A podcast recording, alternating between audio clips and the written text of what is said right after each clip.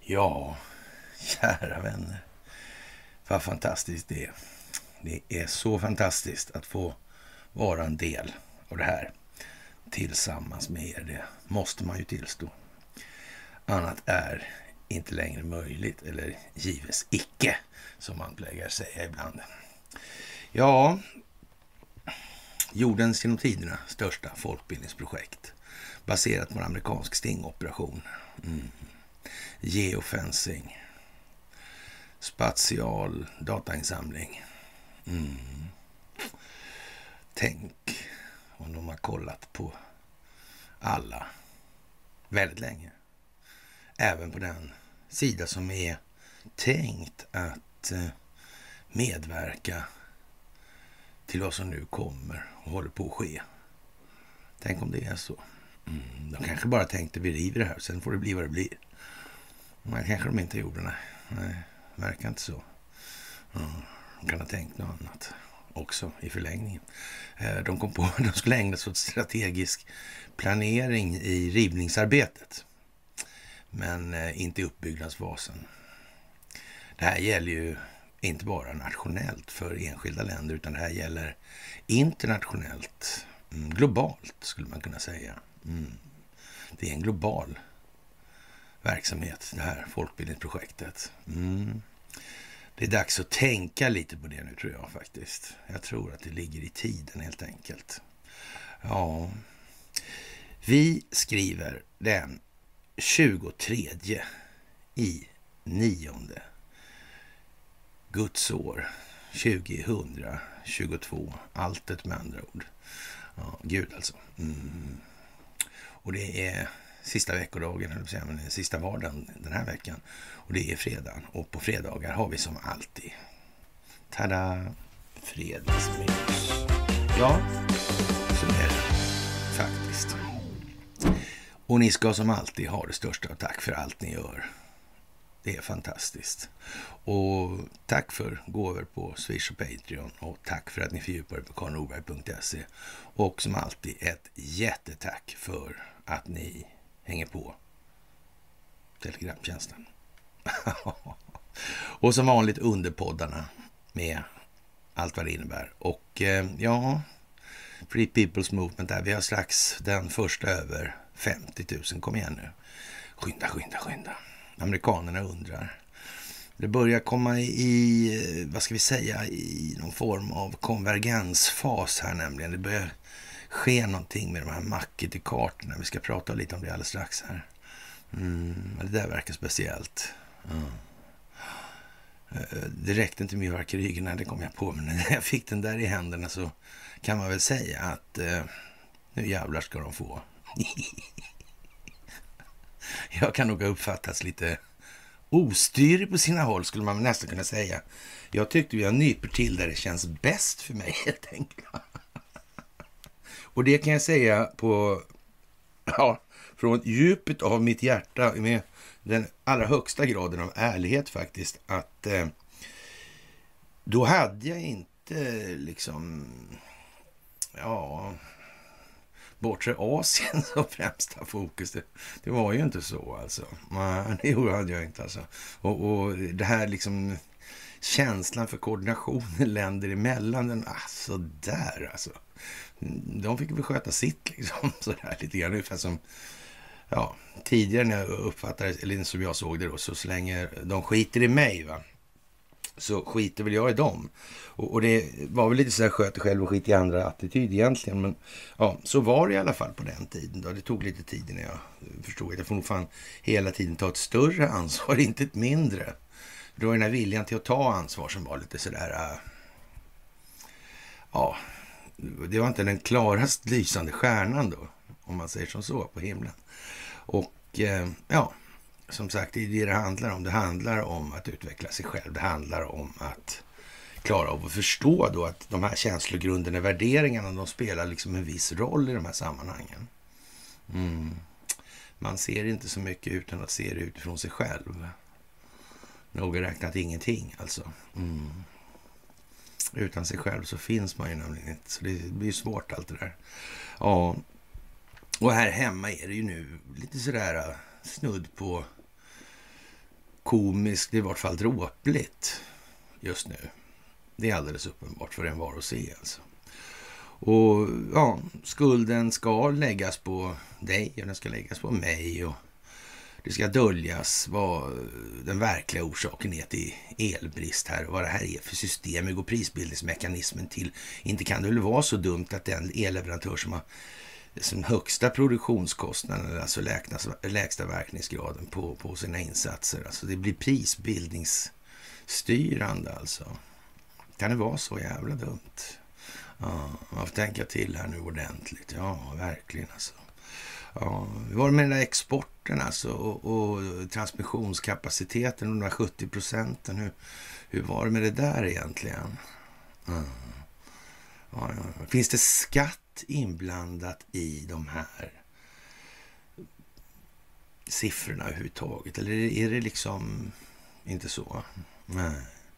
Jag vet inte. Det kanske någon vet. Jag vet inte. Vem sätter priset då? Ja, och varför har vi de här serverhallarna här för? Har det någonting med, ja, jag vet inte, datalagringslagstiftning kanske? Eller hur är det där? Eller lagstiftning om datalagring kanske heter det. Kan det vara en del av det här? Jag är inte säker. Är ni det? Vad sa du? Sluta med dig korkat din dumma jävel. Okej, jag ska skärpa mig. Jag ska det, jag ska det. Mm. Vi har väldigt mycket frågor helt enkelt och en sak vet vi i alla fall. Tillsammans, då gör vi hela skillnaden. Det är så det är alltså. Och det här gör vi för jävla bra tillsammans nu. Och det är bara att stå på. Det här kommer att gå vägen. Och vi ökar takten helt enkelt. Vi tar lite lärdom av mitt varnande exempel där och tänker liksom lite för mycket på mig själv då, eller på, ja, jag kan ta det här för svenskt vidkommande då som jag såg det då, men eh, mm, Ja, jag vet inte. Det ska, kanske inte var så där Det fanns något litet asiatiskt land där som... Ja, det är någon slags karbon eller, förla, eller förlaga sådär va. Tror jag. Hon är där Nobeltanten där. Jag kan säga så här att då, då ja, ja, 6, 7, 8 där kanske. Eller 5, 6, 7, 8 eller ja, ännu tidigare. Då ska jag inte säga att jag var... Jag visste väl kanske att det fanns men, men Ja, men det var väl inte så mycket mer heller då. Mm. Ja, hon hade ju fått en Nobelpriskärring i alla fall. Ja, ja, så kan det ju vara ibland.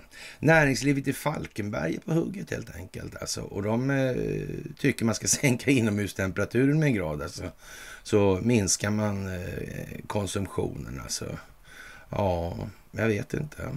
Kan det vara så där? Eh, ja, är, är det bra idé det här? Mm. Vad säger det här egentligen att det går hem med de här grejerna? Säger det på något vis att folk är liksom rädda? Ja, det gör det faktiskt. De är rädda för förändring. De håller hellre fast vid status quo. Mm. Det är bara så. Och, och, hur ska man få folk att, liksom agera i det här? Man kan ju skriva massor med uppmaningar hit och dit. Vi måste göra någonting. Vi måste höra av oss, vi måste kommunicera vår syn på tillvaron med andra människor. Mm, för att bringa samförstånd, för att skapa ett utrymme för förbättring. Alltså kratta manegen, myllan. Ja, gödsla lite där. Mm. För att få en korrekt, eller en bättre problemformulering som beskrivning av verkligheten. Det är ju så. Och det är ju tillbaka till det gamla vanliga. Det blir mycket ekonomi alltså. Och man måste nog ta till sig det här med skuldmättnaden.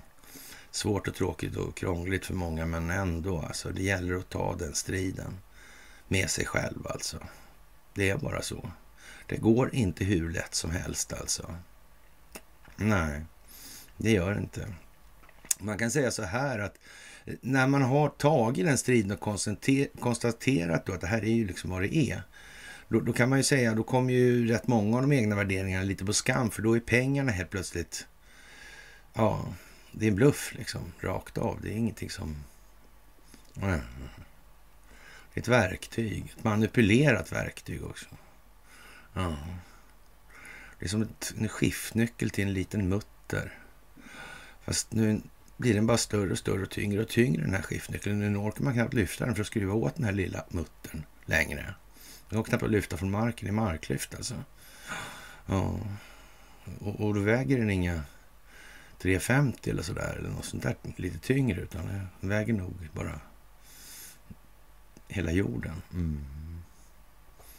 Ja, det håller på att bli lite sådär alltså faktiskt. Ja, och Danmark då sänker energiskatten med 90 procent. Vad gör de sådär för? Visar de någonting? Hur är det med svensk energiskatt? Finns det inblandad i de här olika energislagen i någon utsträckning? Spelar det någon roll alltså? Påverkar energiskatten prisbildningsmekanismen rakt igenom på något vis rent utav i så fall? Allt det här är ju i och för sig teater, det ska man ha klart för sig också. Alltså, men, men man får samtidigt då sätta sig in lite i det här för att förstå den politiska retorik som förs då opinionsbildningsmässigt och har förts. Nu börjar det ju spåra naturligtvis för medierna har inget val längre. De sitter där de sitter så att säga och ska dit de ska hän. Mm, så är det. Ja, det där är en sån sak man måste fundera lite på också. Det här med pengar att göra det också. Det är hela tiden de där jävla pengarna. Mm. Och det här med att pengarna, vad är det för någonting? Ett jävla tjat med mig om det där. Ja. Mm. Enskilt kontrollerade räntebelastade skulder och de här energibolagen. Är de någon form av aktiebolag kanske? Mm. Har de någon jävla lagstiftning som gäller i något sammanhang? Jag bestämde mig för att ta tag i det där lite grann i alla fall. Och jag har gjort det förut massor med gånger men det var som vanligt lite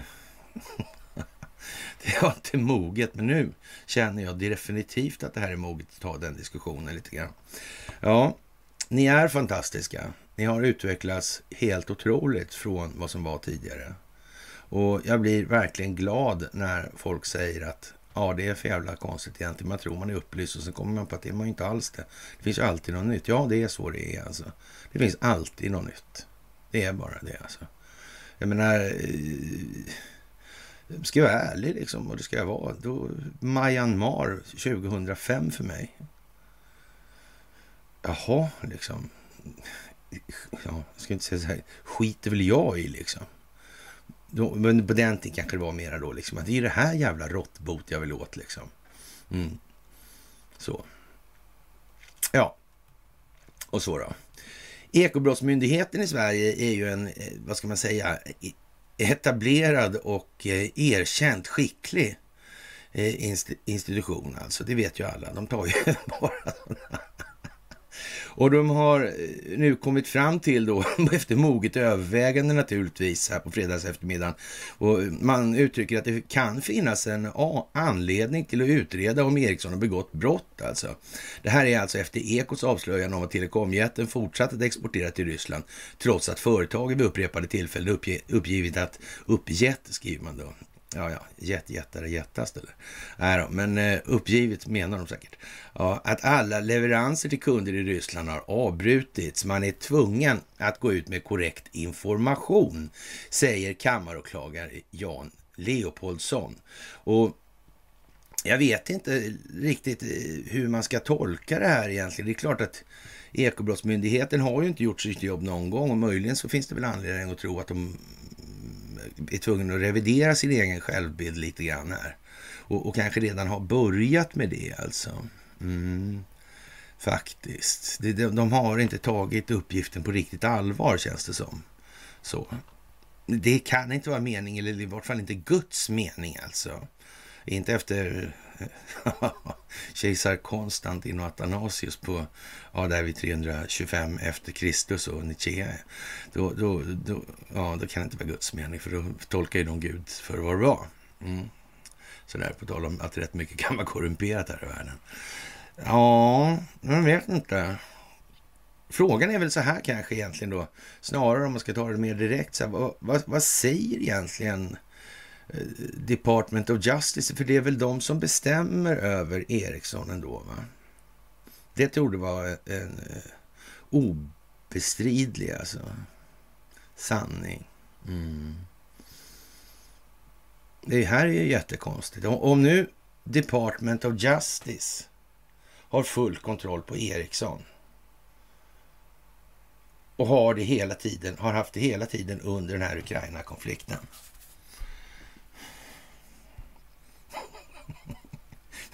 är det inte någonting som är lite mystiskt? Liksom lite sådär, men borde de inte... Det är liksom ungefär som att eh, ja, Stockholms superfosfatfabrik i Ljungaverk sålde tungvatten både till Adolf Hitlers liga och, och till Manhattanprojektet. Men borde inte någon av parterna tyckt att det där var lite onödigt liksom? Va?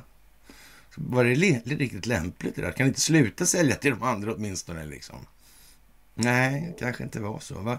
Ja, och ingen av dem tyckte protestera något vidare högljutt. Alltså. Sen kan vi lämna det här ändå att eh, Christian eh, Birkeland där, han hade ju liksom själva inte bara temat för det här ämnet då klart redan tidigt på 1900-talet kan vi kanske lämna därhen. Men det, det är lite konstigt ändå det här alltså att Department of Justice bara går med på det här hur som helst. Alltså. Men, men man kan väl säga så här att det, det amerikanska spelet mot, eller med, den här entiteten som är i, i, fråga här och nu alltså. Det har ju varit, varit under rätt lång tid tydligen alltså. Och det är uppgående i validitet då, eller viktighet eller värde då för den amerikanska staten eh, till formen av ett nationellt säkerhetsintresse. Och jag är inte övertygad om att det finns så många högre skattade företeelser än så.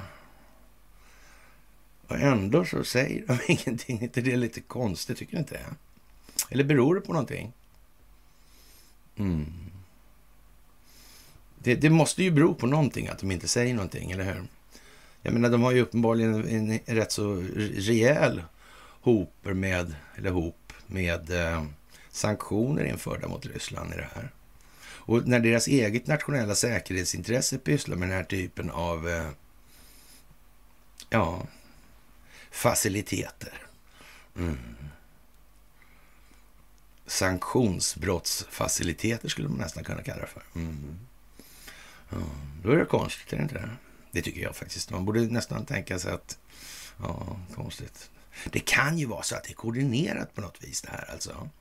Mm. Det där locket ni vet på ja, pyramiden så att säga, som man håller så den inte växer någonstans den där. Mm. Och det är bara högst upp som de vet om att det där locket finns. De andra nedanför har liksom inte fattat att ja, chefen är påskruvad så det räcker helt enkelt. Den här V-gången full med, ja, gud vet vad alltså. Det här är ingen munter tillställning på sina håll, det törs jag garantera. Det blir ju lite så här slokörat också numera. Allt oftare, det ska man nog kunna säga. Ja, det är lite kul faktiskt, det får jag faktiskt säga. Och eh, ja, i de här sammanhangen så är ju de här internationella organisationerna en företeelse som man får faktiskt tänka lite på. Vad har de här egentligen gjort för någonting under hela tiden under sin existens? Har det blivit bra liksom? Blomstrar de platser där FN har haft trupp då? Mm. Är det fred och demokrati så det räcker och blir över där? Mm. Eller är det på något annat vis kanske? Mm. Jag vet inte. De här freds och demokratisträvandena, vad har de lett till egentligen? Libyen, Irak, Syrien. You name it. Vi kan säga så här, Afghanistan. Är det någonstans som eh, det har lett till någonting annat? Kan man inte nästan säga att det ser ut som det är satt i system lite grann? Mm. Och de här krafterna bakom bildandet av de här överstatliga organisationerna som EU, NATO och så vidare. Mm. Att det råkar vara samma gäng då. Det är konstigt. Mm. Som säljer tungvatten både till Adolf Hitler och till Manhattan-projektet. Mm. Som inte får en smäll på skallen med klyvyxa av amerikanska justitiedepartementet för att de bryter mot amerikanska sanktioner. Aha. Ja, man får ju nästan kalla kårar. Optiken är ju, vad ska man säga, om man bara stannar upp och tänker efter lite och, och så att säga, värderar ut det här ur andra perspektiv. Och, men titta här, liksom, det är fan inte det konstigt. Om man nu, när man ser en sån där rubrik tänker sig, men vad fan, det är ju amerikanska justitiedepartementet som har... Det är deras fögderi, där de har ju full kontroll på det där. Mm. Har de missat det här då på något vis? Jag trodde det var därför de skulle ha sån kontroll för att se till att de inte mutade Isis och ägnade sig åt den här typen av företeelser. Och det gick ju för övrigt inte att fälla dem för det inom svensk rätt. Mm. Är inte det här konstigt? Jo, faktiskt alltså. Och, och, nu har det gått så långt så det utbryter till och med ordkrig alltså. När de olika nyckelspelarna ställs öga mot öga i FNs säkerhetsråd. Det är ju förfärligt ju, eller hur? Och Lavrov flydde säkerhetsrådets möte enligt Aftonbladet. Ja, det må man ju säga. Det måste ju vara hemskt det där. Och, eh, och om man sätter sig i Sergej Lavrovs situation så han eh, måste ju åtminstone spela en teater av att det här är för jävligt alltså. Mm. Måste ju vara så. För det måste ju vara någon som amerikanska justitiedepartementet, det vill säga de delar som inte är helt genomkorrumperade och ruttna alltså. Det där gamla vanliga med vad ska med de där till liksom. När det gäller underrättelsetjänsten, om vi kommer tillbaka till det också. Ja, Ja, Putins, Vladimir Putins högra hand Sergej Lavrov anklagar världen för russofobi och stormar ut ur det här mötet i alla fall. Jag noterar att ryska diplomater flyr nästan lika snabbt som ryska soldater, pikade den ukrainske utrikesministern då. Det var ju fantastiskt roligt. Vilken vits alltså. Vilken finess. Mm. Och speciellt när verkligheten är eh, kanske inte riktigt överensstämmande med den utsagan kanske. Mm. Ja, absolut kan det finnas snabba tillbakadragningar, men att det skulle bero på någonting annat är att man valde att göra så ur ett strategiskt perspektiv mm, sett till den slutliga målsättningen. Det kan vi nog helt enkelt glömma. Ja, Jaha, och spänningen inför det här mötet var ju påtaglig då och för första gången sedan Rysslands anfallskrig mot Ukraina, formuleringarna är ju för vad de är då, eller vad de är, mot Ukraina skulle flera nyckelspelare i konflikten, Ryssland, Ukraina, men också Kina och USA sitta ner tillsammans kring det kända hästskoformade bordet i FNs säkerhetsråd. När Ukrainas utrikesminister Dmitrij Kuleba redan före mötet fick frågan om report, eller från reportrar om hur han skulle hantera att sitta i samma rum som Putins andre man. Sergej Lavrov svarade han skämtsamt, jag kommer att socialt distansera mig, log han. Och, och, och, det är nog riktigt alltså, det bör han väl kanske göra i det här läget, för det handlar ju om folkbildning det här. Det handlar om att Ja, siste man på plan ska också med. Han är också med i spelet. Alltså vem, ja, sen blir det några som aldrig kommer in på planen så det där. En stor publik bara. Men eh, mm, det är ju lite så faktiskt. Så det är inte osant på något sätt alltså. Jaha, och eh, FNs generalsekreterare Antonio Guterres inledde genom att tala till utrikesministern om att rapportera att rapporter uppvisar en hel katalog av grymheter i Ukraina. Och, och, det kan man väl utan vidare spisning hålla med om. Det är ju naturligtvis så. Jag menar det här med att ägna sig åt artilleribeskjutning mot Donetsk och Lugansk. Alltså den för detta ukrainska enklaverna där. Mm. Det kan man väl inte säga är sådär jätteschysst va? Det är väl lite elakt. Det kan man nog säga, ja. Summariska avrättningar, sexuellt våld, tortyr och annan inhuman och nedvärderande behandling mot medborgare och krigsfångar. Mm. Det är ju det. Men frågan är vem som har gjort det här alltså. Mm. Jag tror Ryssland gjorde på något vis en skärpning av sin strafflagstiftning i de här sammanhangen för inte alldeles för länge sedan i alla fall. Nej, det ganska nyligen till och med, skulle man kunna säga. Mm. Och det, den signalen säger kanske någonting. Den kanske säger att vi uppfattar det som väldigt viktigt att vi uppför oss på ett klanderfritt sätt alltså. Mm. Oklanderligt. Mm. Varför är man så viktig om det? Nu går det inte ut på att vinna det där kriget. Om vinnaren skriver historien kan man ljuga hur mycket som helst. Finns det egentligen vinnare i något krig? Eller finns det bara förlorare, tror mm. På lång sikt är nog svaret ganska enkelt faktiskt. I den meningen. Ja, alla de här anklagelserna måste bli noggrant utredda för att se till att vi utkräver ansvar, sa han, utan att peka direkt på Ryssland. Har man sett på fan alltså. Ja, det är ju det alltså. Men det var nog varken Rwanda eller Myanmar som låg i märket. Nej. Mm. Vad kan det här vara? Kan det vara folkbildning, tro? Jag vet inte. Ja. USAs Anthony Blinken fyllde i luckorna i sitt tal till rådet. Det blir lite mer vulgärt då naturligtvis. Vi kommer inte att tillåta att Putin kommer undan med det här. Nej, det är helt riktigt. Det kommer de inte att göra. De kommer inte att tillåta det. Och, och det beror ju liksom på vad Vladimir Putin har gjort i den meningen också. Mm. USA kanske inte ens behöver försöka se till att inte han kommer undan. Så det kanske inte är så illa som det har på något vis förmedlats i medierna. Kan det vara så? Ja, det kan kanske vara det alltså. Men en av huvudpersonerna fanns inte på plats för att höra land efter land fördöma Rysslands in, ja, invasion då. Ja, jag vet inte egentligen. Den ryska utrikesministern Lavrov anlände nämligen hela 90 minuter sent då till mötet. Det var konstigt alltså. Ja, och stann, han stannade ju dessutom ända för att framföra sitt eget tal. Va? Innan han flydde. Då, sådär. Han var inne och snackade och sen drog han igen. Mm.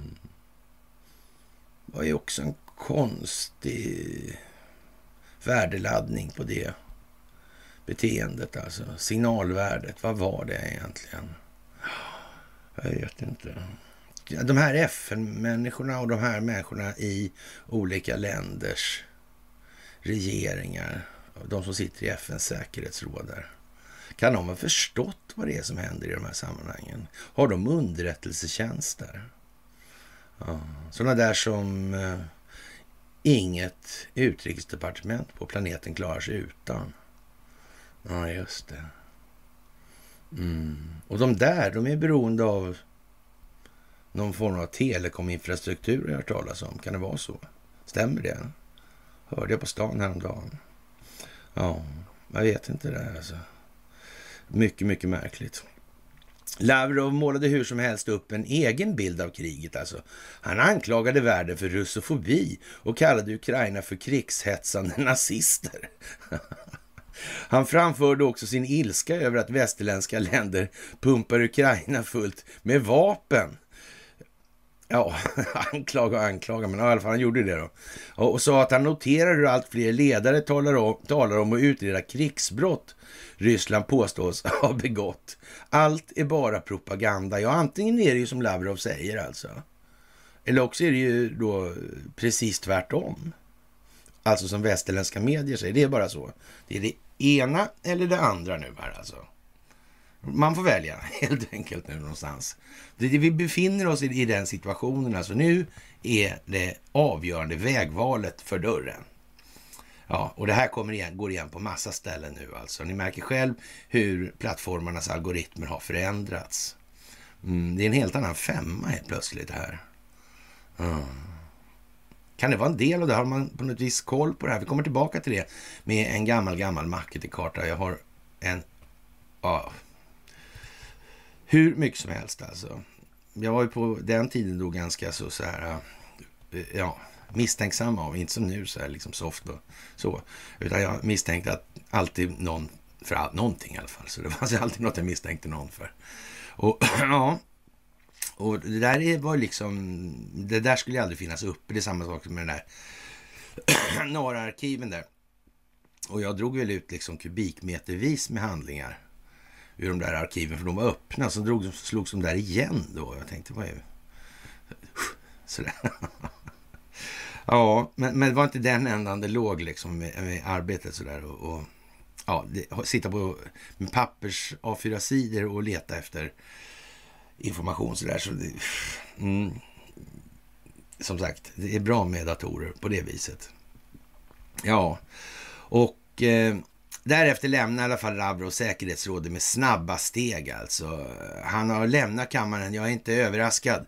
Jag tror inte herr Lavrov vill höra det kollektiva fördömandet från det här rådet, konstaterade Storbritanniens James eh, eh, Cleverly. Okej. Okay. Ja, ni, ja, visst. Ukrainas utrikesminister Dmitrij Kuleba satt endast ett par meter från Lavrov när ryssen höll sitt tal, utan att röra en min alltså.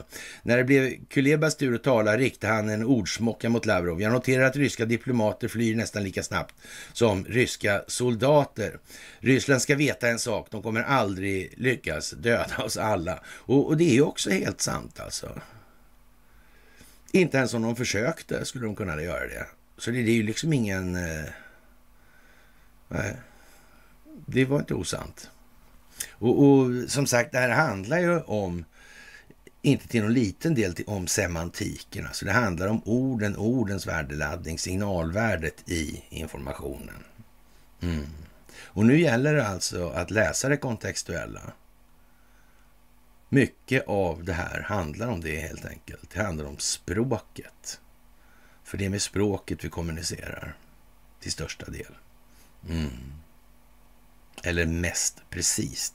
Det är därför språket har utvecklats. Det är svårt att med gester och så vidare och feromoner och såna grejer kommunicera ja, så att säga, till förståelse som är nöjaktig i alla fall när det gäller samhällsutveckling. Det går ju liksom på det enskilda planet gällande de mer primära eller primitiva känslorna.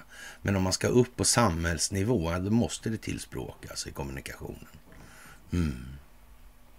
Sådär. Jaha, och eh, ja, folkomröstning som sagt idag i de här republikerna då som har förklarat sig själv självständiga, men vi kommer tillbaka till det också. Och Ja, Macron han föreslår att eh, covid är anledningen för eh, Ukraina-konflikten och det behöver han ju faktiskt inte ha fel i sak.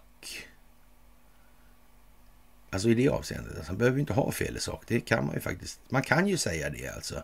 Och, och till och med eh, anföra att det måste ju vara så alltså. Och, och om man då lägger till då den här gensaxen CRISPR i Umeå då, och militära biovapenlabb i ekvationen som vi tar glatt hit till Sverige och så vidare. Eller medierna påstår att vi gör det i alla fall av någon anledning. Mm.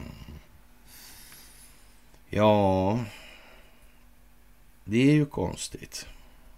Kanske. Eller också är det inte så konstigt, men är så ändå. Då. Mm. Det där får man ju fundera lite på alltså.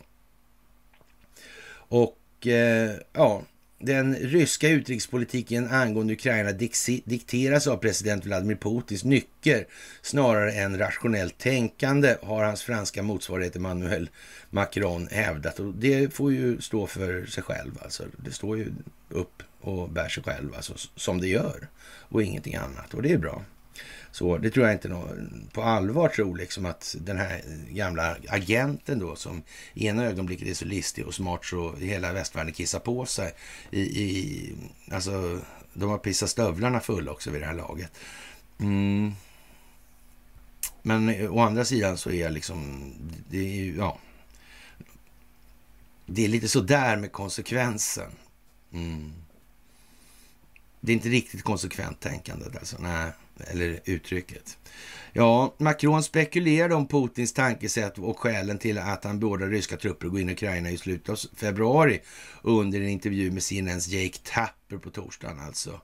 Och ja, jag har ingen rationell förklaring. Jag tror att det är en serie av förbittring. Det här är en strategi för hegemoni i regionen och jag skulle säga att det är en post-covid-19 konsekvens, isolering, sa han.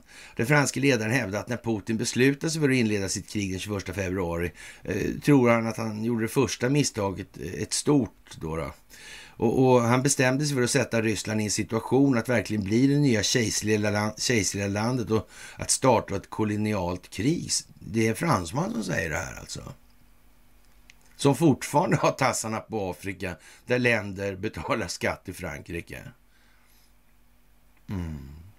Ja, det är lite motsägelsefullt. Det, det är som sagt, det är inte ett riktigt konsekvent resonemang, eller logiskt konsekvent resonemang i det här. Det, det är lite sådär, han ser inte bjälken i ögat på sig själv. Det är bara så alltså. Mm.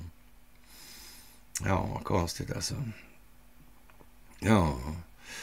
Ja, den 21 februari undertecknar Putin order om att erkänna folkrepublikerna Donetsk och Lugansk som, en su som suveräna stater. Moskva lovade trupper att försvara de två Donbassrepublikerna och uppmanade Kiev att dra tillbaka sina styrkor från det territorium som de hävdade som sitt eget, vilket den ukrainska regeringen vägrar att göra. Ryssland inledde då sin militära kampanj mot Kiev den 24.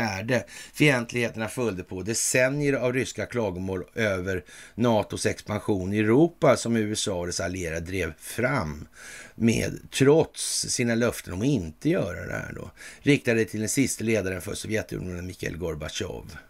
Och eh, Moskva gjorde ett sista försök att lösa konflikten med NATO förra året när man krävde skriftliga garantier för att utbyggnaden kommer att upphöra. Det USA-ledda militärblocket vägrade och hävdade att vilken nation, inklusive Ukraina, har rätt att söka medlemskap i NATO. Ja, I CNN intervjuade intervjun hävdade Macron att nu är det klart för alla att ledaren bestämmer sig för att gå i krig. Ledaren som bestämde sig för att eskalera är president Putin.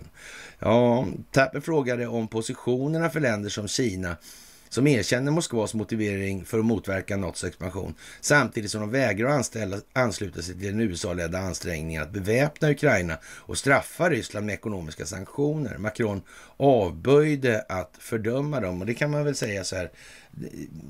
Jag vet inte hur många sätt det här ska uttryckas på för det ska bli klart alltså för fler människor. Men det, man får ju ta det i steg alltså. Och ja, det, det går ju liksom, det som jag sa förra gången det här med att det, det kommer alltså inte komma en amerikansk general som talar om så här att Nej, men vi har ockuperat er, vi har frånhänt er allt självbestämmande för ni är helt jävla odugliga och dumma i huvudet.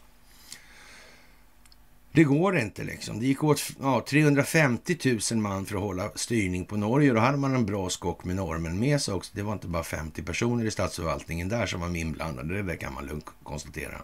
Mm. Och, och Ukraina är ju inte något litet land på det viset alltså. Nej. Mm. Konstigt, konstigt allt det här. Ja. Ja, det, det, ja, jag tror vi måste undvika att föreläsa för folk och, och, säga att vi är på den goda sidan av historien, säger han då, vidare makaronen. Jag, jag tror att om vi har mycket respekt försöker vi förstå vad de står och, och vad de tror på, vad deras känslor är. Eh, då kan vi nog övertyga dem, sa han då. Ja, eller kanske föra rationella argument i logiskt konsekventa kedjor alltså till saklig grund. Då kan det ju gå i land här alltså. Utan att gå på grund innan alltså. Mm. Men man får ju ta det i delar alltså. Mm. Det skulle ju liksom skära ögonen på folk. Men det där tror jag nog att de flesta kan ta till sig. Den franske presidenten försvarar sina eh, ja, sin historik av diplomatiska kontakter med Vladimir Putin och sa att de gav några positiva resultat. Han sa också att det skulle vara orättvist att kritisera Tyskland för att vara beroende av rysk energi i årtionden.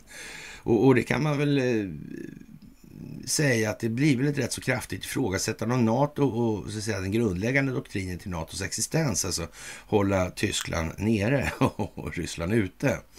Mm. Det kan ju vara så här alltså. Ja, Macron avfärdade Tappers kritik av FN som föråldrad och menade att det inte finns något bättre alternativ. Nej. Men som sagt, eh, när till och med CNN börjar kritisera. Det verkar som båda två är inblandade i det här på något vis, folkbildningsprojektet.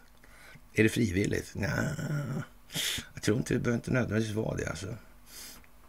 Det kan vara så att eh, herrarna under galgen kände liksom ett litet, en liten olustkänsla helt enkelt.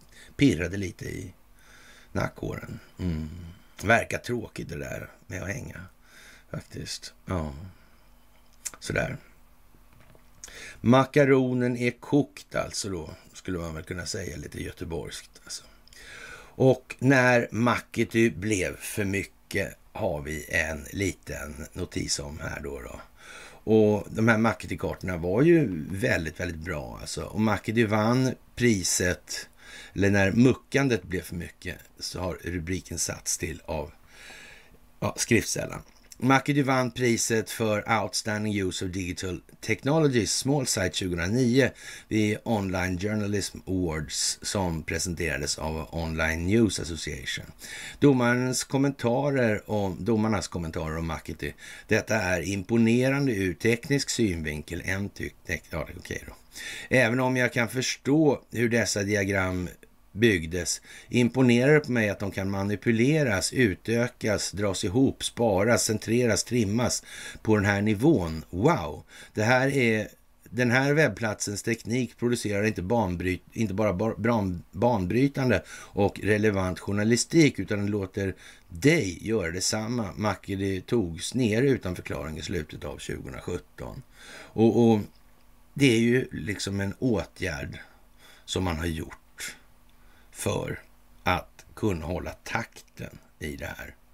Alltså den här koordinationen av utvecklingsförlopp hela tiden. Mm. För att det går ju ut på att beskära den djupa statens handlingsfrihet. Och om det blir jävligt stökigt i Myanmar så blir det stökigt inrikespolitiskt i USA. Och så den här globalistparten, den är ju liksom inte hur stor som helst alltså. Den är ju i sammanhanget helt otroligt liten, trollkarlen från oss alltså. Mm. Han har liksom bara två armar och två fötter. Och om man ska hålla på på tio ställen samtidigt blir det jättekrångligt alltså. På det viset. Och om det här handlar om övergripande problem av geopolitisk signifikans, ja, hittills har aldrig någon annan fått bestämma någonting på det viset. Och det här måste ju passa in i Husses planläggning. Helt plötsligt är det någon annan som upplever att den har kommandot nu. Ja. Det måste ju vara en otroligt resurstät människa eller figur eller entitet eller vad man ska säga som tar sig an det. Det går liksom inte där. Och han har ju Husse har hela tiden varit tvungen att hålla det här precis som terroristceller. De ska inte veta om varandra helt enkelt. För då börjar det här spricka. Då börjar de ägna sig åt utpressning på snedden och hit och dit och sådär. Det går inte. Så det kan bara bli så här. Det har alltid bara kunnat bli på ett sätt, egentligen. Sen har det bara varit en fråga om vilken väg tar utvecklingen till det som ändå måste ske. Så är det. Och den här Makety-kartan alltså, det är eh, här, nu har vi ändrat lite grann. Så vi brukar ju ha den här Investor i mitten. Nu har vi National Security Agency och det är ju den här till NSA, alltså den här som var inblandad i det här med ja, Keith Alexander då, FRA-lagen, Centerpartiet, Annie Lööf, Fredrik Federley. Mm. Den där killen som smet också, han var någon eh, jobbade där på NSA som i någon entreprenadfirma där. Ja. Edward Snowden, vad hette han? Ja. Han pratade mycket om det här. Den här Swedish Kings of Cyber War. Mm. Och, och, det är väldigt lustigt här man tittar hur de här sitter ihop. Om ni tittar på den här bilden på min sida, Facebook-sida där, så ser ni ju liksom att det ingår ju sådana som, som eh, ja, eh, ja, utrikesdepartementet och försvarsdepartementet och ja, amerikanska underrättelsetjänstkollektivet till och med som organisation alltså. Och, och, och skattemyndigheterna och, och allting. Det är ju liksom rätt så politiskt influerat det här. Och för att vara säker på att det verkligen är så här. Och, det är därför man har ju så att säga kunnat, man ju veta, eller det här har man ju känt till då, eller jag har känt till då sen.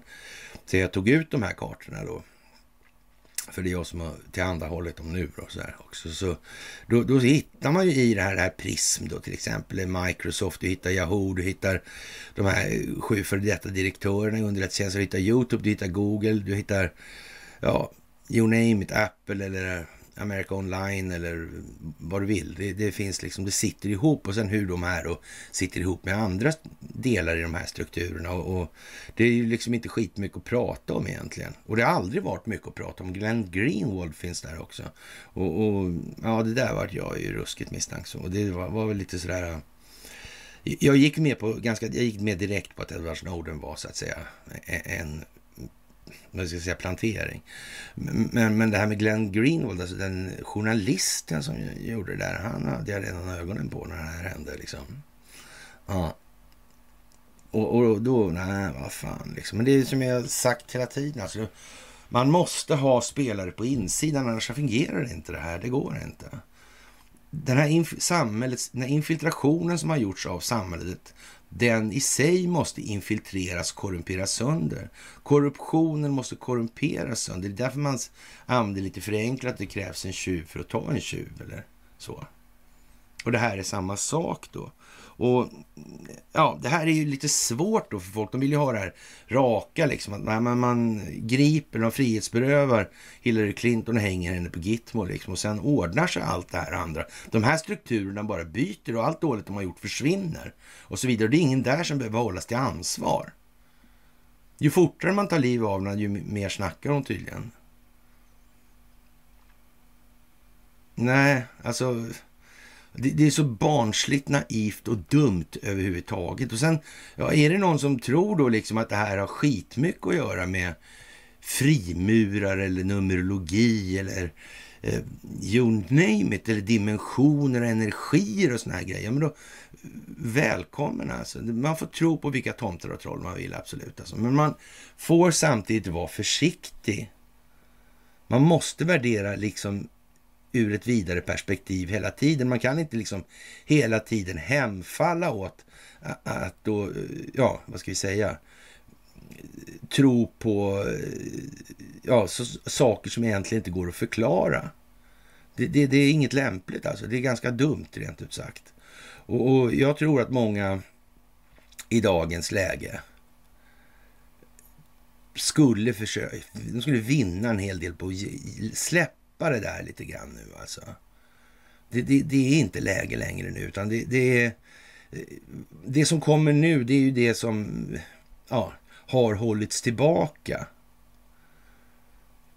Och, och det har behövt hållas tillbaka, för det har inte varit moget för att landa än. Det är, inte som, det är inte gissningar som ligger bakom de här sakerna. Och, och, det har ju alla varit, bara för att folk inte känner till de här sakerna själva, så, så tar man ju gärna till det där då att det är faktiskt bara gissningar. I allmänhet och från mig i synnerhet. Det är inget annat. De här Mackety-kartorna som jag drog ut innan och stängde ner de där sidorna, de har ingenting med någonting att göra. Det, går, det är ju bara lite, det är rutor för fan och nät emellan. Och, och jag har inte lagt eh, veckor och, och, dagar på det här. Det är månader och år alltså. På dem bara alltså. Och då hade jag ju ändå en bakgrund som gjorde att jag liksom visste vad jag skulle gå på hela tiden. Och nu kommer ju det här. Det här går inte att komma undan liksom. Det är vad det är och det är nu det här är. Ja, och det är ju lite trevligt. Och eh, som sagt, att låta mig hålla på som jag började typ 2007, det var nog inte liksom aktuellt då. Med avseende på helhetsutvecklingen då sådär. Och eh, ja, jag vågar påstå att eh, jag hölls nog under ganska strikt uppsikt alltså. Mm. Och som sagt, om de har geofensat så här länge, mm, typ decennier, mm, har de kunnat det där tog de bara liksom bovarna, banditsidan. De hade ingen idé om att det skulle komma någonting sen. Och man måste faktiskt titta om hur vederbörande sköter sig. Visar vederbörande tendenser, så här bekräftelsebehovstendenser. Mm. Ah. Självbildsproblem alltså. Självförakt. Mm. I runda slängar filosofisk materialism. Mm. Finns sådana tendenser? Klarar de här datadatorerna av att mäta det här? Ja, de gör ju det. Alltså. De gör ju sådana här preferenskartor. De lär sig ju. Det är det som är själv, de självlärande. Det är det som är den artificiella intelligensens stora grej. Alltså. Mm. Först var det psykologer som satt där och resonerade kring varenda jävla tangentryckning. Mm. Och sen började de här lära sig själv. Men det här var ju inte förra året alltså. Nej, det var ju inte det. Det var en stund sedan tidigare faktiskt. Ja, strikt uppsikt var ordet sa Bilja. Det kan man nog fan säga. Och ja, och en tidigare toppolitiker är dömd för brott. 200 papp då försvann från kvinnojouren. Då kan man väl säga är liksom lite speciellt. Och det är naturligtvis något som bara inträffar i undantagsfall då. Särskilt i Indien då, så, so to speak, alltså Sundsvall. Och, och 920 papp blev alltså 200 för, för bara 2016. Jättekonstigt alltså. alltså. Det här är väldigt märkligt alltså. Och, och, hur kommer det sig att man gör så? Har hon, har hon förskingrat? Och, och, det är klart att en förtroendevald som sitter i, i, i en situation där man har hand om vad man måste kalla för, i någon mån i alla fall, utsatta kvinnor som behöver samhällets skydd alltså. Mm. Från övergrepp och sådana saker. Och, och förskingra från en sån organisation, det, ah, man får nästan säga att det måste nästan kräva en viss typ av moralisk disposition som kanske inte är i alla lägen beundransvärd. Då. Så kan vi väl säga. Det kan vi vara överens om tror jag. Och, och, här är det här, varför håller jag på och bladdrar så mycket om det här? Jo, för att det är någonting som är väldigt, väldigt märkligt. Alltså det är 920 000 kärringar har förskingrat alltså. Och, och åklagaren hon, nyper alltså den här på 200 alltså för bara 2016. Och så här står det då i artikeln som kom idag nyss i Sundsvalls tidning och jag kommenterade den på, som, med vändande posten. Ja, då kanske Sundsvalls befolkning skulle fundera lite på hur det kommer sig att de har en sån ledning som de förtjänar. Vad kan det bero på då? Mm. Ja, det är ju det här som är problemet alltså. Och det är ett jävla problem alltså. Svenska befolkningen har i den meningen. Mm. Sen har det tagit sig olika uttryck beroende på så att säga, den socialkulturella disposition som individerna har, så är det absolut. Alltså. Men, men just ett sånt ställe som Sundsvall och i de här korruptionsutredningarna som har gjorts så visar det sig då att Norrköping, Sundsvall, Göteborg, naturligtvis Stockholm. Mm. Fast ändå inte Stockholm, är, det måste hållas ihop. Va? Så, där, så det blir inte lika flagranta, öppna grejer. Det här är ju bedrövligt alltså. Och den tidigare S-politikern Elisabeth Unander döms för ekonomisk brottslighet. Hon har fört över 200 000 spänn alltså, från kvinnojouren till sig själv eller till bankkonton som hon disponerade. På onsdag meddelade domen vid Sundsvalls tingsrätt mot politikern som skötte kvinnojourens ekonomi. Elisabeth Unander är pensionerad nu alltså, men har en lång politisk karriär bakom sig med flera ledande positioner inom socialdemokratin Socialdemokraterna i Sundsvall. Hon har även under många år arbetat på kvinnojouren och skött föreningens ekonomi och det är den rollen som brotten har begåtts alltså. Ja, en, en, vad ska man säga, eh, det är inte en räv som vaktar hönshuset där alltså. Det är inte en bock som vaktar örtagården heller, det är något värre alltså. Och eh, ja, ja som, som man säger egentligen, så det är liksom som med pedofiler och prästerskap och såna här grejer. Alltså, pedofiler söker sig ofta dit där.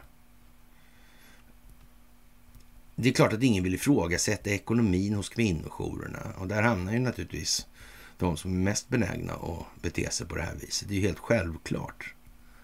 Var någonstans är det minst risk för att bli upptäckt? Jag menar, har de reviderat en kyrka en enda gång i det här landet?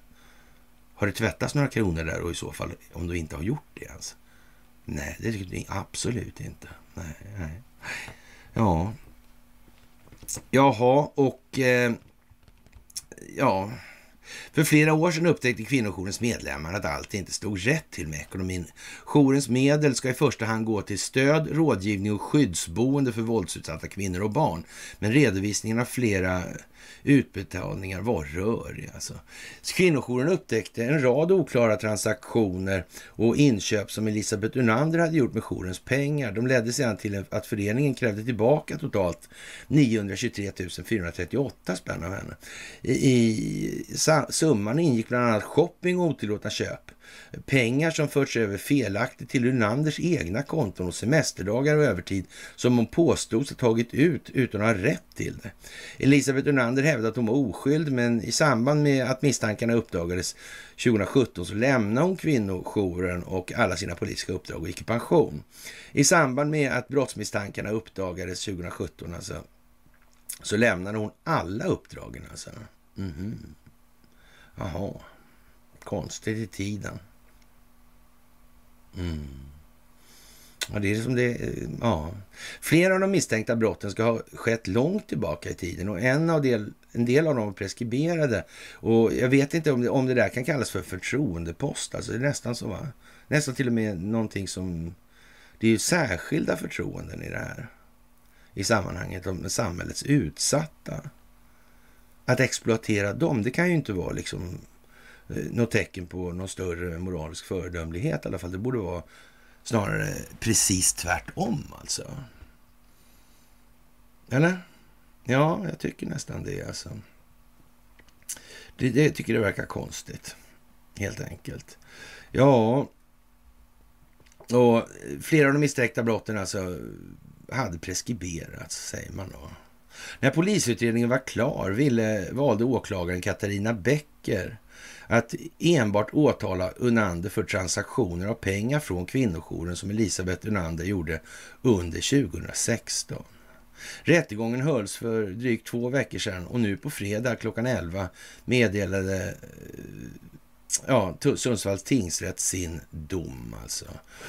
Elisabeth Unander döms för trolöshet mot huvudman då hon vid sju till olika tillfällen har tillskansat sig pengar mellan 5 och 75 500 kronor från kvinnojourens konton. Totalt handlar det om 100 823 spänn då, från, kronor från kvinnojourens medel har fört över, förts över till Elisabeth Unanders egna bankkonton eller till andra konton som hon har disponerat.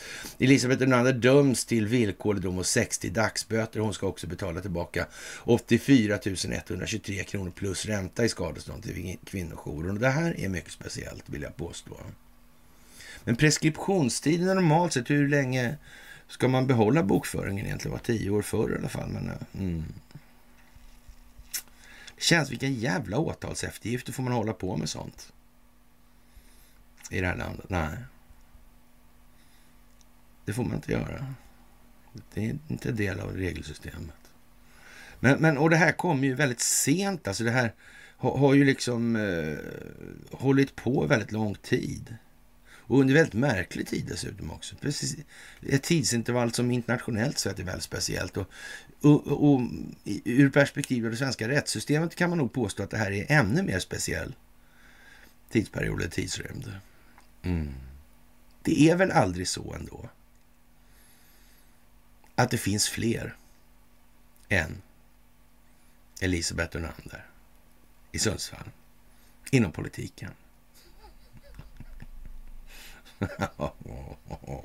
men Skifer till exempel. ja, men eller hur? Ja, men vänta här nu alltså. Jaha. Ja, ja, ja, Men, eh, ja, det här med svensk lagstiftning och det här och eh, ja. Och, och kopplingarna in till de här um, politiska kretsarna, Socialdemokraternas, ifrån Sundsvalls sida. Kan det vara någonting som har bäring på det här kanske? Kanske de känner varandra? Ja. Kanske det här är hållhaksbusiness, rent utav också, som finns med i det här. Och att det här har fått gå helt enkelt under lång tid, utan kritik. Av en anledning. Mm. Undrar om Elisabeth hade något att berätta för någon. Mm. Tyvärr ryms ju inte det här riktigt under svensk strafflagstiftning på det viset. Nej, det gör ju inte det. Mm. Men man vet ju inte riktigt hur det här förhåller sig med svensk lagstiftning överhuvudtaget. Det är ju uppenbarligen någonting som är av internationellt intresse, i alla fall amerikan för amerikanskt vidkommande. Så är det ju. Mm. Och de har ju i sin tur en väldigt märklig situation nu. USA. Mm. Vad är det egentligen för lagar som gäller där egentligen? Mm. Konstitutionen håller nog. Det ser den ut att göra. Men det är mycket som har blivit konstigt. Mm. Och ytterst ansvarig för konstitutionen och befolkningen är den amerikanska militären. Vi har för övrigt gott om amerikanska militärer i det här landet just nu. Mer gott om sådana än någonsin tidigare. Mm, konstigt. Just i det här, vid det här tillfället. när Ericsson befinner sig i den situation som den befinner sig i. Uh-huh. Och mecka för det här. Calcutta liksom. Mm. Och nu kommer sådana här grejer fram. När Skif har hållit på som de har gjort hela tiden. Ja. Jag undrar jag. Matfors verkar ligga bra till. ja, ja, ja, ja. Vi får väl se alltså. Alltså blåsa kvinnojourer i förtroendeställning. Det får väl ändå anses som rätt hyfsat hänsynslöst. Det måste man faktiskt säga alltså. Det är ju nästan så det är... Ja, det är optik i det helt enkelt. Alltså, hur jävla rutten kan hon vara alltså? Mm. Och dessutom är det en kvinna. Ja, det är ju speciellt. Mm. Swedbank och SEB höjer bolåneräntorna och jag vet inte om SEB och Swedbank i några andra sammanhang figurerar tillsammans. Det där andra sammanhanget inbegriper en storhet som jag just har pratat om också. Det amerikanska justitiedepartementet, det vill säga de delar som inte är korrumperade. De där som har, så att säga, det svenska telekombolaget Ericsson under sitt fögderi numera. Mm. Ja. Undrar om eh, amerikanska justitiedepartementet har en aning om att SCB sitter ihop med Ericsson. Mm. De verkar ju ha det eftersom SAS fick några böter av Nasdaq också. Det här med Nasdaq är ju en väldigt undlig konstruktion. Mm. Globalt sett alltså. Mm. Verkar väldigt, har varit väldigt styrande, är, vara väldigt styrande till och med. Mm. Ja, ja. Mm. Det är speciellt. Ja. Och som sagt, det biter ju bra då om man eh, höjer nu. Men så kan man ju säga så här, om man tittar på de här räntehöjningarna då, vad de säger då.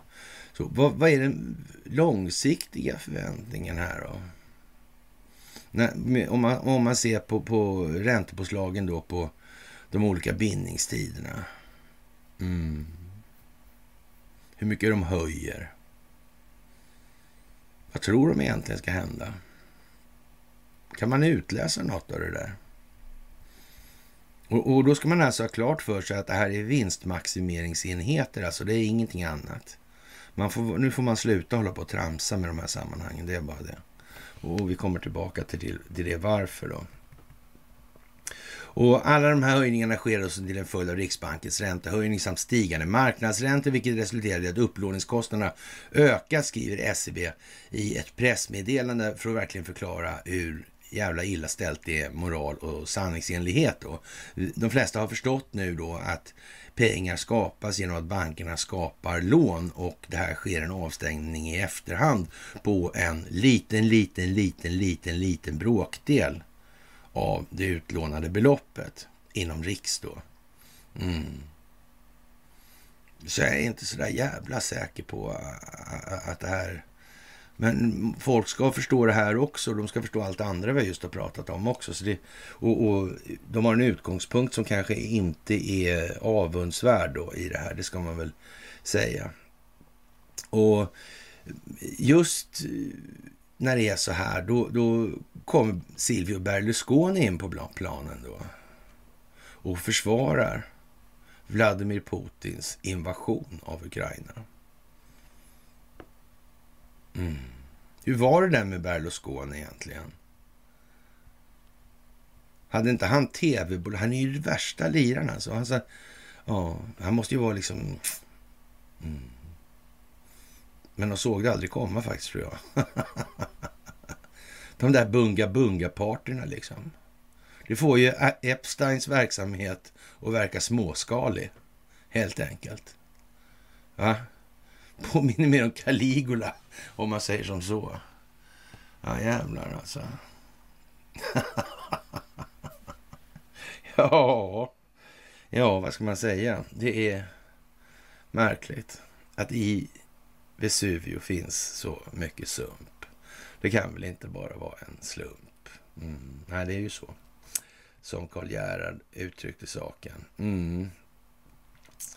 Ja, då kommer vi väl till det här med Ukraina igen då. Och på tisdagen då, nu på tisdagen, så, så eh, sa folkrepublikerna Donetsk och Luhansk tillsammans med de ryskkontrollerade delarna av regionen Zaporozhye och eh, Kherson att de skulle hålla folkomröstningen om anslutning till Ryssland den 23-27 december, alltså idag. Och dagen efter beordrade då Rysslands Vladimir Putin en partiell mobilisering i landet. Åtgärden föranleds av behovet av att kontrollera den tusen kilometer långa kontaktlinjen med, med ukrainska styrkor och ryskkontrollerade territorier. Ja, och så naturligtvis då att de här eh, ja, mobiliserings eller partiella mobiliseringshistorien då, ja, det är ju ett tillfälle som man naturligtvis använder sig av för att de här människorna som hamnar då i häkte då för att de har stökat på gatorna och protesterat och såna grejer. Då. De, får, och de är naturligtvis geofensade så det bara räcker och blir över alltså. Och det är all data som alla de har varit i kontakt med, alla de har pratat med, allt, allt, allt, allt, allt, allt, allt. Hur lång tid som helst tillbaka alltså. Det, det här är ju naturligtvis eh, någonting man har förberett väldigt, väldigt länge. Ja, och då får de naturligtvis en inkallelseorder. och då kan man ju inte nobba där då, för då blir det 15 år på kåken direkt alltså. Och, och, och så. Mm. Det kan börja där, så de har ju liksom lite tid på sig. Det är bara att låsa in dem rakt av. Det så. Ja, för de inte ska, och framförallt så de inte ska kunna stöka hem, hemma vid då. Där kan man säga, här, här försvann alla upptänkliga möjligheter att mobilisera inom Ryssland för att ställa till oreda och destabilisering. Så kan man säga också. Jaha, och Eh, det är ju liksom ett fiffigt sätt, måste man ju säga. Och DPR och DLR, LPR utropar sitt oberoende från Ukraina 14 efter att ha hållit folkomröstningar i februari. I, i feb eller folkomröstningar. I februari 22 erkände Ryssland då de här som självständiga och inledde en militär operation i Ukraina som svar på uppmaningar om hjälp från de två utbrytarrepublikerna. Mm. Och om man ska se det här i strikt rättsliga termer, ja då är det ju vad det är liksom. Jag menar, det är väl ingen idag sunt tänkande individ som inte fattar varför Majdan ägde rum och varför det var två eller tre vart det ju, svenska hedersambassadörer för ekonomi och demokratiutveckling. De moraliska storfräsarna Carl Bildt, Göran Persson och Jan Eliasson. Jag menar, det är ju en optik som man ingen kan ju missa. Det är ju följaktligen de tre eh, moraliskt mest framstående stjärnor man kan tänka sig på den svenska politiska himlen alltså. Mm. Klarast lysande åtminstone. Mm. Eller kanske det är svarta hål, jag vet inte riktigt noga alltså. Det, det, är ju lite sådär eljest, får man nog fan säga, så att det ska behöva gå till den typen, eller den graden av tydlighet innan man så att säga får några folkbildningseffekter. Och ja, det är ju lite sådär uh, udda.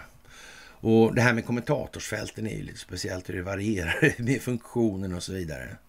Uh, just det senaste budet är det här upptäckte jag själv också här att uh, man, man, man, trycker på senaste kommentaren, då kommer de upp då igen. Då kommer de, annars göms de sådär på något konstigt vis. Och en annan egenhet som jag ska skvallra lite om i, i de här sammanhangen, att alla som är under pseudonym nu, det vill säga att de heter eh, ja, Palle Fuling eller vad som helst. Alltså, sådär. När man på Messenger, då får man upp ett annat namn på den figuren då, eller motsvarande. Då. Mm. Där det finns person. Alltså. Mm. Det verkar som någon använder det här för att kommunicera nu. Mm. Det är konstigt. Ja, har man mätt det här så lång tid innan då med det här med geofencing och spatialdata, då är det nog så att det finns alltså möjligheter att göra det här. Mm. Kan det vara så att det här med macket är en del av allt det här också? Kan det ligga liksom som en, ett delmoment i det här? Mm. Ja. ja, vi ska försöka köra lite macket i kartor nu då i vad som kommer. Och så får vi hoppas att inte vi springer allt för långt före då, så det blir tjuriga miner. Det har en tendens att bli det annars. Och eh, vi ska prata lite om det här med korruptionen då, och, och, för det gör vi ju aldrig alltså annars. Så vi, bör, vi tar lite idag då, så här. Trots att korruptionen är betydligt högre i kommunala bolag än i offentlig sektor eller offentlig sektor. I, I stort fortsätter svenska kommuner att bolagisera sina verksamheter. Bolagiseringen av kommunal verksamhet är något som har ökat de senaste åren för att möta de ökade kraven, anför man. de ökade kraven på, vadå? Ja. Mm. Bolagisering innebär att en kommun gör om en del av sin verksamhet, exempelvis en förvaltning till aktiebolag, där kommunen står som aktieägare. Och Det här måste man ha klart för sig då. Ett aktiebolag som drivs i syfte att ge, ett aktiebolag är alltså någonting som drivs i syfte att ge vinst till fördelningen mellan aktieägarna om inget annat står i bolagsordningen. Det så kallade vinstsyftet alltså ska råda. Eh, 3,3 aktiebolagslagen gör, utgör då emellertid det beslutskriteriet som ska genomsyra varje beslut som ledningen fattar. Alltså det, det, ett aktiebolag går ut på att generera vinst, alltså det, det finns inget annat med de här energibolagen till exempel. Det är vad det handlar om helt enkelt. Och, och ja, så är det bara. Och alla som tror någonting annat oavsett vad politiker säger. Nu börjar man snacka liksom strunt i strunt och snus i snus och sådana grejer snart. Alltså, men vi håller oss från det lite grann till. Då. Men, ja. Och man har ju gjort utredningar och de här utredningarna visar att flera kommunala bolag korresponderar alltså med kraftigt höjda korruptionsnivåer. Det leder just till korruption. Och då undrar ju vän av ordning, så det har man ju vetat hur länge som helst det här ju. Mm. Faktiskt. Mm. Vad konstigt att det ändå fungerade förr. Ja. Allt blir sämre på något vis alltså. Ja. Alla skulle tjäna, var det viktigt. Vad bra det blev. Ja. Jag har svårt att tänka mig att socialtjänsten på 1970-talet sådär må ju ha varit som det var, men man har ändå svårt att tänka sig att, ja, ska jag inte säga egentligen, men om man hade kvinnojourer eller eh, utvecklat den typen av verksamheter och så, inom kommunal regi, att man, man som, alltså rak förskingring sådär. Mm. Jag undrar märkligt det här alltså. Ja, exemplen är otaliga på det här. Alltså Göteborg, Norrköping, Sundsvall har vi tagit upp. Då. Och många fler har alla haft problem med att bolagen låter politiker och tjänstemän utnyttja sina positioner genom mottagarna av förmåner för egen eller andras vinning. Dessa förhållanden sticker ut i den svenska offentliga, offentliga sektorn, alltså, som annars fortfarande känner hos allmänheten för frånvaron av korruption. Det här står ju liksom mer eller mindre på Wikipedia, sådana här saker alltså. Mm. Kanske är dags att reagera lite och tänka efter det här. Om det här med energipriser och drivmedelspriser och allt sånt där. Vad är det här för någonting ens? Det är speciellt, absolut. Det är, det är svenskt. Ja, vi är fången, fångna i våra egna vanföreställningar. Det är vad det handlar om alltså. Och eh, vad sa Putin då? Vi skulle avnazifiera va? och Sverige skulle i Ukraina och Sverige skulle bli, det var Lavrov som sa att Sverige skulle bli en bra förebild eller eh, ja, skulle verka som en förebild för Ukraina som skulle avnazifieras och eh, demilitariseras. Ja. Mm. Men då kanske den här korruptionen som finns i Ukraina, eh, den ska väl bort då kanske? Ska vi misstänka det? Vi kan nog utgå ifrån det. Men, men då kanske inte föregångsmannaskapet ska vara det här som vi just läste upp nu. Med korruption och de här bolagen. Jag vet inte, jag är inte säker på att det är en bra lösning alltså. Men någon annan kanske vet. Jag vet inte. Jag vet ju bara vad jag vet. Mm. Ja, USA säger att Ryssland kan stoppa kriget i Ukraina. Ja, det kan de kan ju åka därifrån. Ja, och Ryssland skyller på nazister alltså. Ja. Och USA har uppmanat Ryssland att upphöra med sin straffrihet. Alltså. Ryssland deklarerar tillbaka om att bekämpa nazister och Ukraina insisterade på att de hade rätt att vara fria. Och, och det är väl inga konstigheter egentligen. Det är ju bara avnazifierade, det ska inte vara sådana där liksom, strömningar. Folk får tycka vad de vill, alltså, men de får inte göra, agera på ett sätt som drabbar andra människor i den meningen. Utsätta andra människor för tvång, våld och så vidare. Det går inte faktiskt. Och eh, ja, det här med FNs säkerhetsråd, det, det ja, Lavrov han tyckte vad han tyckte, alltså gick. Mm. Säkerhetsrådet, har, har Kina sagt någonting om det? Har Ryssland sagt någonting om det? Har vi, jag, har vi sagt någonting om FN, vad som kan hända med det? Mm. Vi har sagt att det måste finnas en överstatlig organisation på något vis. Men FN i sin nuvarande form och tappning är, ja vad ska man säga, eh, lindrigt uttryckt korrumperat sen start. Och då har vi varit väldigt hovsamma i uttrycket. Förresten har den här hedersambassadören, eller särskilda ambassadören i Ukraina, Jan Eliasson, var inte han inblandad i den där lite grann? Va? Och han, han, är väl inget tillfälle, liksom, han verkar ju liksom, vad ska jag säga, lite moraliskt tappad ändå alltså i, i det sociala umgänget. Han verkar lite konstig där i diplomatsammanhang, det vet jag bestämt alltså. Har jag bestämt hört från säker källa alltså. Tvärsäker källa skulle jag vilja påstå faktiskt. Mm. Ja, ja, ja. Slem typ alltså. Ja, det är som det är nu helt enkelt i många sammanhang och det måste bli så nu. Och vi tar oss väl lite för pannan och det borde faktiskt fler göra nu alltså. Och det här med aktiebolag som det är någonting som drivs i syfte att ge vinst alltså till fördelningen mellan aktieägarna. Och om det inte ut, står uttryckligen annat i bolagsordningen och det är jag inte säker på att det, man får göra liksom eh, för stora avsteg i den meningen. Det är liksom själva syftet med den juridiska personen. Mm. Och utifrån det kan man då värdera olika åtgärder och insatser som har vidtagits för att uppnå det här. Borde vederbörande som, alltså till exempel det här med trolöshet mot huvudmannen, alltså förskingring, förskingringsgrejer alltså till exempel. Borde vederbörande ha insett alltså i förhållande till förutsättningarna som rådde eller inte och så vidare. Ja, och ja, Svenska kraftnät vill sänka elnätsavgifterna med miljardbelopp. Ja. Men går det ens ihop med aktiebolagslagen? Att sänka avgifterna? Vad är det för jävla dumheter? Var, varför då? Och kommer man med liksom, eh, ja, en lättnad för slutanvändarna. Vad är det för jävla nonsens? Det, det, det, finns inte utrymme för det i aktiebolagslagen. Det är i alla fall helt säkert. Är det handlar de här elnätsbolagen, i, i, alltså opererar de i formen av aktiebolag, då finns det inte det. Det går ju inte. Det är ju själva syftet med hela prylen. Det är ju liksom, det börjar bli så jävla dumt som man håller på att ja, få nya krafter för att gå vidare helt enkelt. ja, Ja, jag vet inte. Även om det är regionnätsföretagen som betalar de här nätavgifterna innebär en lättnad för slutanvändarna. Alltså hushållen och företagen, säger Lotta Medelius, Medelius alltså, ja, bred generaldirektör Svenska kraftnät enligt ett pressmeddelande. Ja, ja, vad ska man säga alltså? Ja.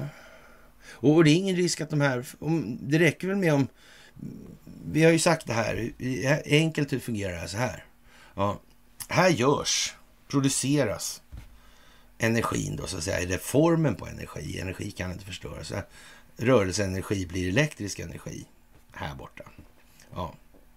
Sen så på något vis så, ja, den här handlas på utsidan. Det handlar inte om själv, själva varan kan man inte ta i för den sticks liksom på något vis.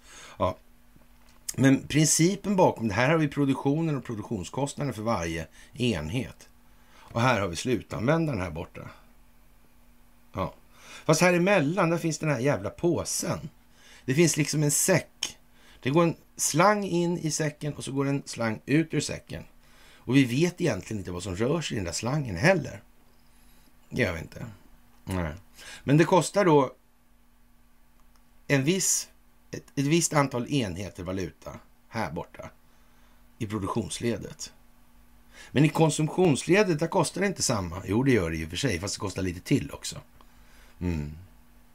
Det kostar lika plus inte bara moms, om vi säger som så. Mm. Och det är ju det här då. Och sen har det dessutom blivit så att eftersom den här varan som produceras och säljs inte går att lagra så, så på något vis så spekulerar man i prissättningen av varan. Utan att produktionskostnaden förändras. Alltså, som marknadskonstruktion så undrar man ju liksom om eh, kunde de inte komma på ett bättre sätt att lura folk? Alltså det här är inte skitsvårt att se att nej, nej, det här får ni sluta med. Vi går inte med på det här alltså. Dra ni åt helvete. Första chansen vi får. Och första chansen vi får, det är inte gå och rösta i ett val utan spårbarhet. De kan ju valfuska hur mycket som helst och alltid gjort. Och vi kan aldrig kontrollera det, för det finns ingen spårbarhet. Noll spårbarhet. Vi kan aldrig veta om de har valfuskat i princip alltså. Det är ju liksom, om alla fotograferade sina valsedlar som de stoppar i de här valkuverten med biltelefon, då skulle vi ha någonting. Vi har inte ens det. Och det föreslog vi någon gång där. Ja, 2014 kanske det var. Att eh, det kunde man göra.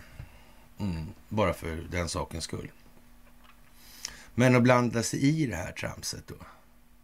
Och, och, då kan man ju säga så här att om det ska vara tillåtet med valfusk, eller i vart fall inte vara det primära att det inte är det, då spelar ju valet heller ingen roll. Och då har vi ju då valhemligheten som är det viktigaste av allt. Det är alltså viktigare att ingen får veta vad man röstar på än att valet blir rättvisande för folkviljan.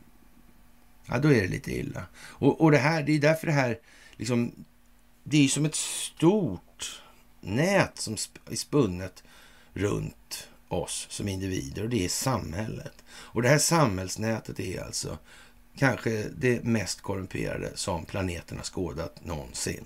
Ja, det är tämligen intrikat och jag tror inte det är någon svensk som inbillar sig att den svenska lagboken är den tunnaste publika publikationen på planeten. Nej, det tror jag inte. Och, och om man tittar i ljuset av då den byråkratiska historien och Stockholmsbyråkratin är ju rätt gammal och rätt företrädare och har implementerats runt om på planeten också, lustigt nog alltså. Mm. Kan det ha någonting med det här att göra? Jag är inte helt säker. Någon annan kanske är säker och kan berätta. Jag vet inte. Ja, bakgrunden för allt det här är ju att kostnader för nätförluster, säger man, som är energiförluster då, som uppstår i överföringen av el i näten. Och den har kraftigt ökat sedan mitten på 2021 på grund av stigande elpriser alltså. Ja, det slår direkt på Svenska kraftnäts kunder, regionnätsföretag, stor del. Alltså, tittar man på det här långsamt och går igenom det här. Alltså, och så kommer man ihåg de här med producentledet, konsumentledet och, och så finns det en mystisk säck som allting går in i och så finns det den här mystiska säcken som det går ut ur. Inte allting kanske, det vet inte vi vad som händer där. Och ovanpå finns de här smarta elmätarna också här borta nu hos, i konsumentledet. Mm. Men allvarligt talat nu, snälla. Alla människor i Sverige. Kom igen, liksom det, det, det är inte, man får inte vara så naivt. Tänk så här. Det skulle de aldrig göra, skulle någon ha sagt något och, och alla är inte gemena på det viset och så vidare. Nej, så är det absolut. Så är det absolut. Men tänk nu på den här situationen idag när vi får tillfället då ta det i akt då att beskriva den här eh, donnan eller tantan på, på Sundsvalls kommun. Alltså som är alltså tro, begår ett brott och troligt sett mot huvudman De förskingrar alltså. Mm.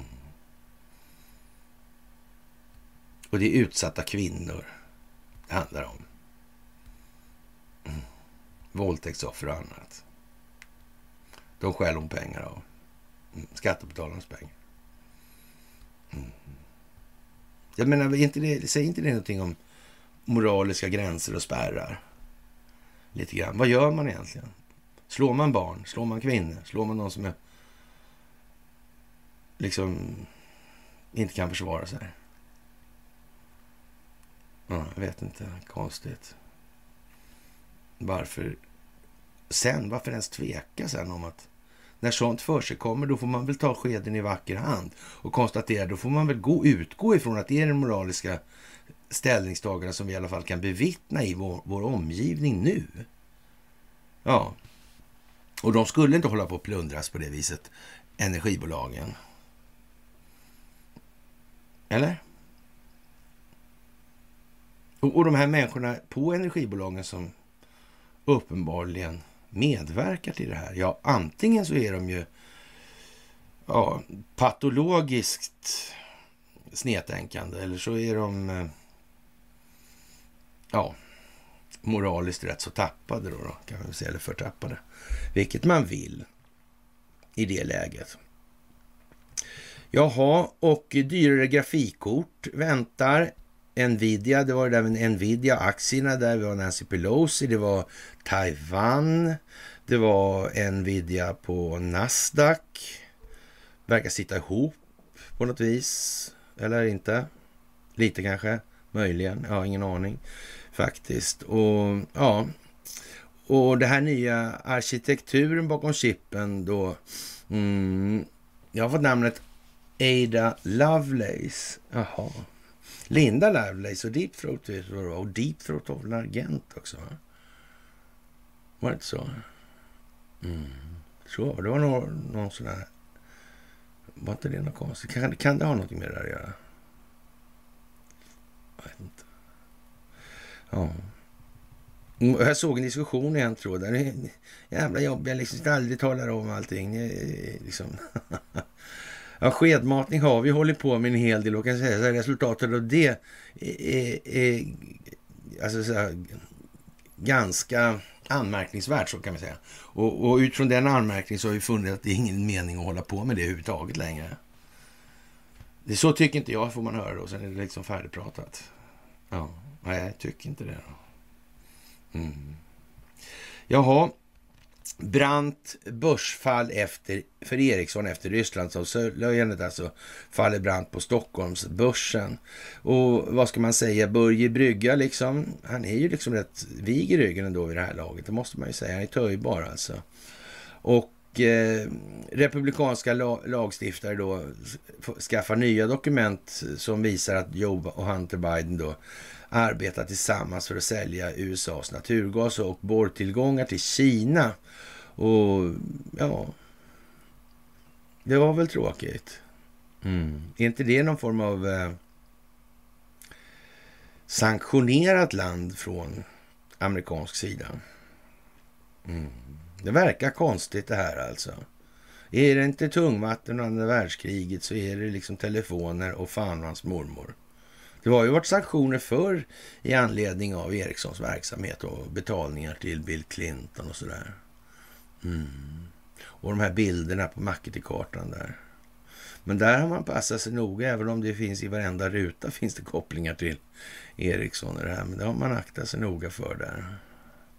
Att kliva i för mycket. Men det finns andra Mackety-kartor som man kan använda och så sitter de ihop i alla fall då sådär. Så. Men vissa saker där vissa segment har man försökt dölja det i alltså. Det är helt säkert. Mm.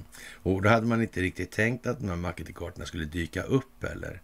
Och det var ju en naturlig reaktion som jag tyckte då att det, det är klart att de har nypt det där alltså. Men, men eh, då var jag inte lika sådär på den tiden där att. Eh, ja, jag tyckte det var för fan konstigt att det får finnas så här länge alltså. Mm. Ja, det har varit en kamp länge. Det har det varit. Och nu är vi på upploppet och nu ser vi målrakan. Så är det också. Och sen börjar nästa skede, så att säga. Det här är inget sprinterlopp, det är ett liv, alltså det är livets väg, helt enkelt. Och eh, det här med Trump och den här eh, Special Master då i, i fråga om det här med granskningen av Mar-a-Lago ingripandet från FBI's sida. Hur fan är det där egentligen med avklassificeringsrätten? Nu sa ju Trump att han kan avklassificera genom att bara tänka. Ja. Så är det ju liksom. Det finns ju en exekutivorder där skriven av Barack Obama. Den gäller fortfarande. Jaha, konstigt. Bill Clinton gömde saker. Konstigt. Ja. Kanske de sakerna kommer fram. Kanske Hillary Clintons mejl finns i de här sammanhangen också. Mm. Det kommer inte att bli bra. I det mest Clintons Soros lojala, lojala landet på jorden. Det är helt säkert. Det är helt säkert faktiskt. Och eh, ja, som sagt alltså. Speciellt alltså. Och ja, det kommer att bli tjurigt på sina håll här hemma. Var så säkra.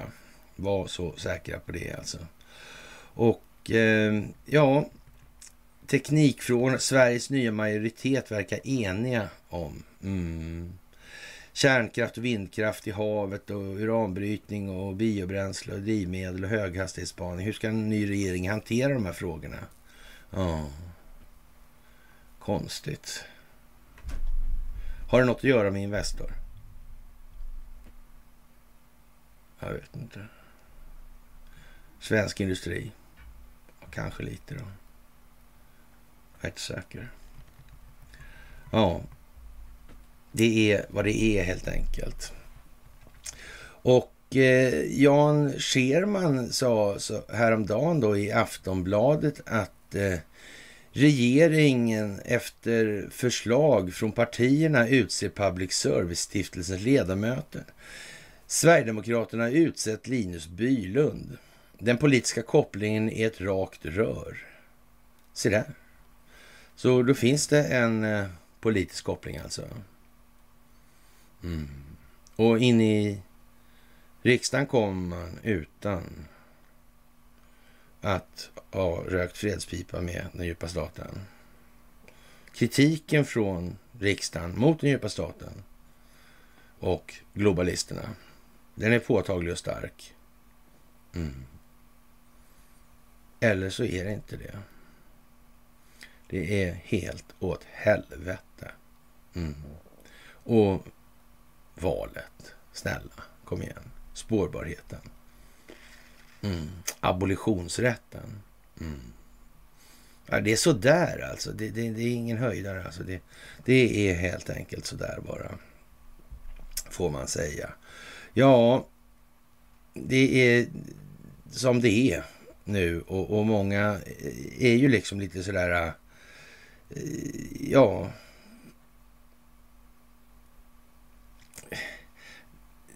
De vill ta den lätta vägen alltså. Då skjuter de hellre pianisten än att tänker efter. Det är så illa.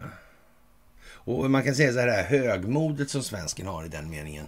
Eh, Möjligheten eller chansen till att det inte kommer att betala sig på ett sätt eller annat, det, det kan ni glömma. Liksom. Det duger inte alltså. Eh, man sa ju från rysk sida, eller Vladimir Putins sida, att man skulle få lära sig i det här landet i alla fall den verkliga betydelsen av lidande. Mm. Och det behöver man ju inte ens längre ifrågasätta om det kommer bli så. För rätt många har ju en idé om sig själva som kanske inte riktigt... Ja, den är inte allmängiltig om vi säger som så. Så kan vi ju säga. Mm. Speciellt faktiskt, får man nog säga i alla fall. Och maj 16 skrev ett förslag om gratis mensskydd, mensskydd i skolan i Båstad och nu blir det verklighet. Och då tycker ju då eh, min yngste son då att det här är ju för fan inte klokt alltså.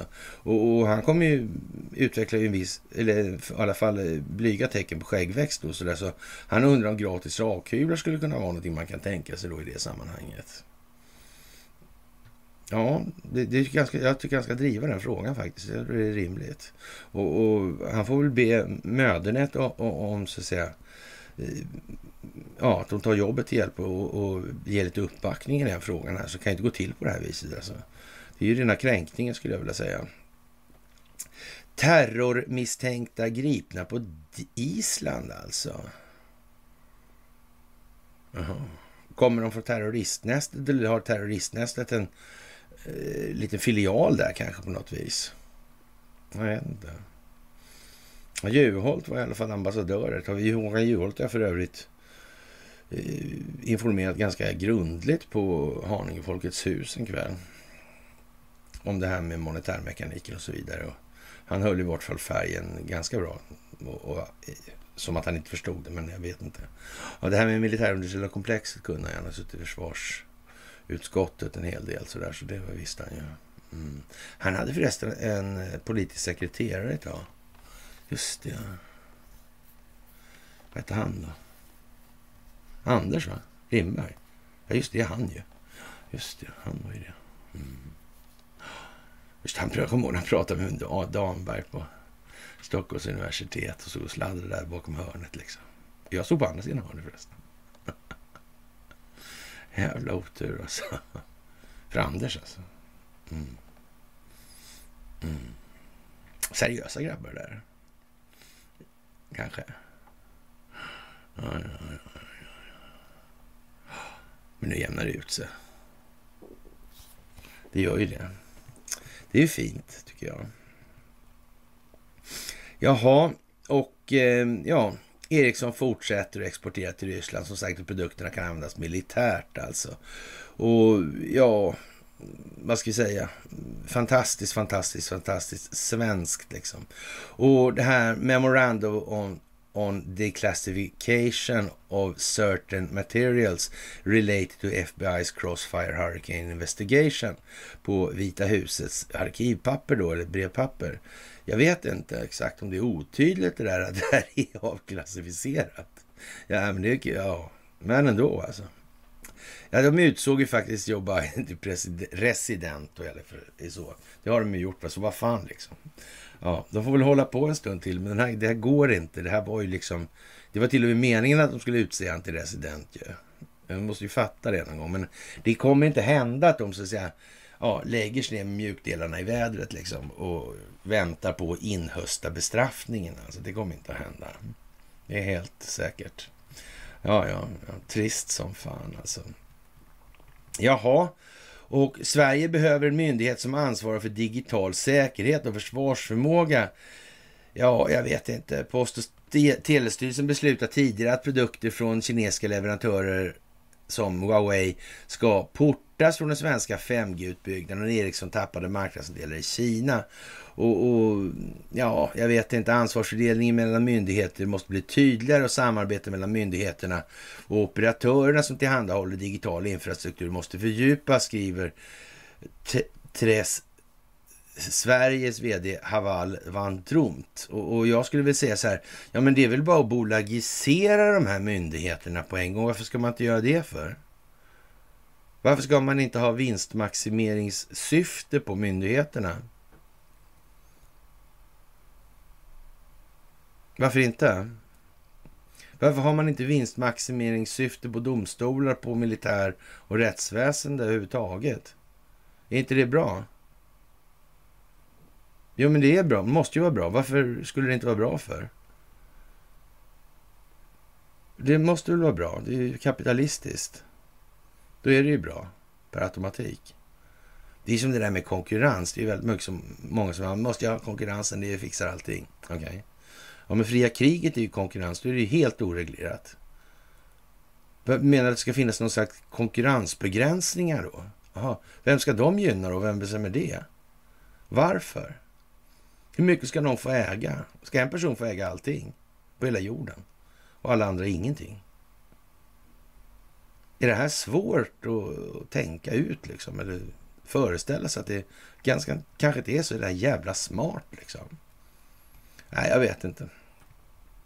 Jo, det vet jag, men det är eh, jättekonstigt att det här ens är uppe för diskussion. Alltså, det, det är liksom smått deprimerande att, att konstatera att det ens finns människor som faktiskt förespråkar sånt här. Jag menar, det fungerar ju inte. Det fattar vem som helst. behöver inte ens prova liksom. Det är bara det. Lite udda faktiskt, rent ut sagt. Och eh, ja, stor felräkning i valet i Malung i Sälen. Då. Nytt skifte när rösterna räknades om. Och det är ju bara förnamnet på vad det här har varit för någonting naturligtvis. Och det är ju gjort för det. Det här är ju också geofensat och, och liksom det finns ingenting av det här som inte är, är mätt och dokumenterat in absurdum alltså. Och det kommer att komma fram. Och nu ska hästen den ökända hästen från Troja ledas fram till ja, vishetens brunn som vattenhål betraktat. Alltså. Och, och vi, när man dricker ur den här brunnen då, för den ökända hästen från Troja, så ja, det kostar på liksom att få dricka här. Det är som en grindslant där. Det kostar på lidande. Mm. För visdom är bara helat lidande alltså. Och man kan leda hästen till brunnjäveln, men du kan inte tvinga den att dricka. Du måste välja att ta lidandet här. Och då gäller det ju så att säga att minska valfriheten ganska så självklart för svenskt vidkommande. För det lär inte bli något drickande annars. Nej, det kommer inte insupas några kunskaper värda namnet som förändrar några känslogrundande värderingar. Nu är vi nere på en nivå som jag... Ja, det låter som när jag pratade med barnen när de var små liksom. Ungefär. Mm. Ens. Ja, mycket speciellt alltså. Och ja, och så kommer det då människor som säger sådana här saker att sossarna är korrupta in i minsta gen alltså. Ja. Ja, ja. Alla sossar är det alltså då. För annars gäller ju inte det där.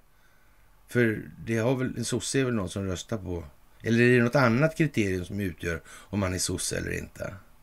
Till exempel. Mm.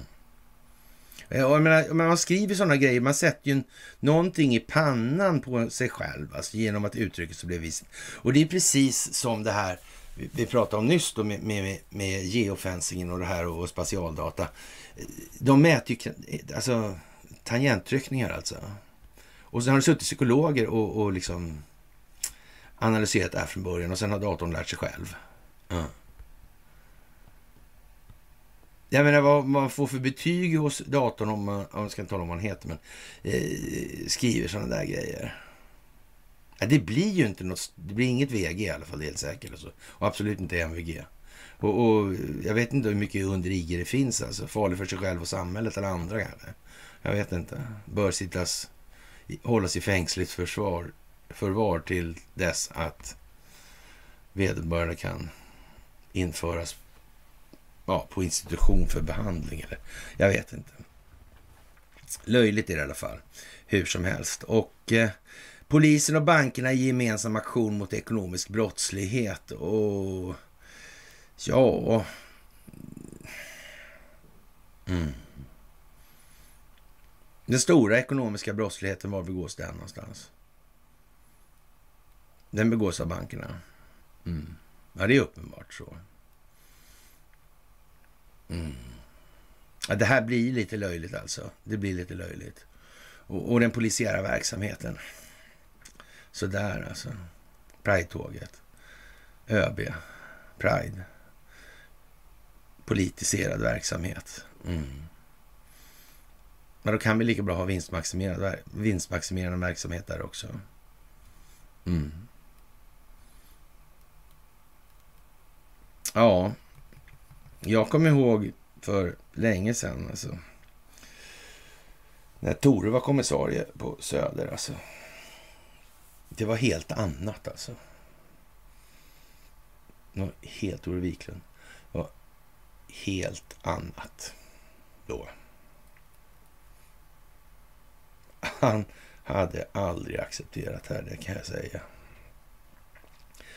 Jaha, och SAS åläggs vita av Nasdaq och Stockholms disciplinnämnd alltså. Och det gör naturligtvis ett sketbelopp sådär och Ja, vad ska vi säga? De är väl tvungna antagligen. Så är det ju. Eller inte bara antagligen, de är tvungna. Det är helt säkert så. Och eh, ja, som sagt, det, det, är inte strategiskt planerat det här med Ericsson överhuvudtaget. Och det här spelas inte ut enligt någon speciell regi alltså. Det här är bara jävla otur att de hamnar så här hela tiden med allting. Och hela världen vänder, sig mot, vänder blickarna mot det här jävla landet då. Och, och den befolkning som har låtit det här ske alltså. Alltså det framstår ju inte som något sånt här äh, ja, vidare bra. Eh, någon vidare bra grej det här.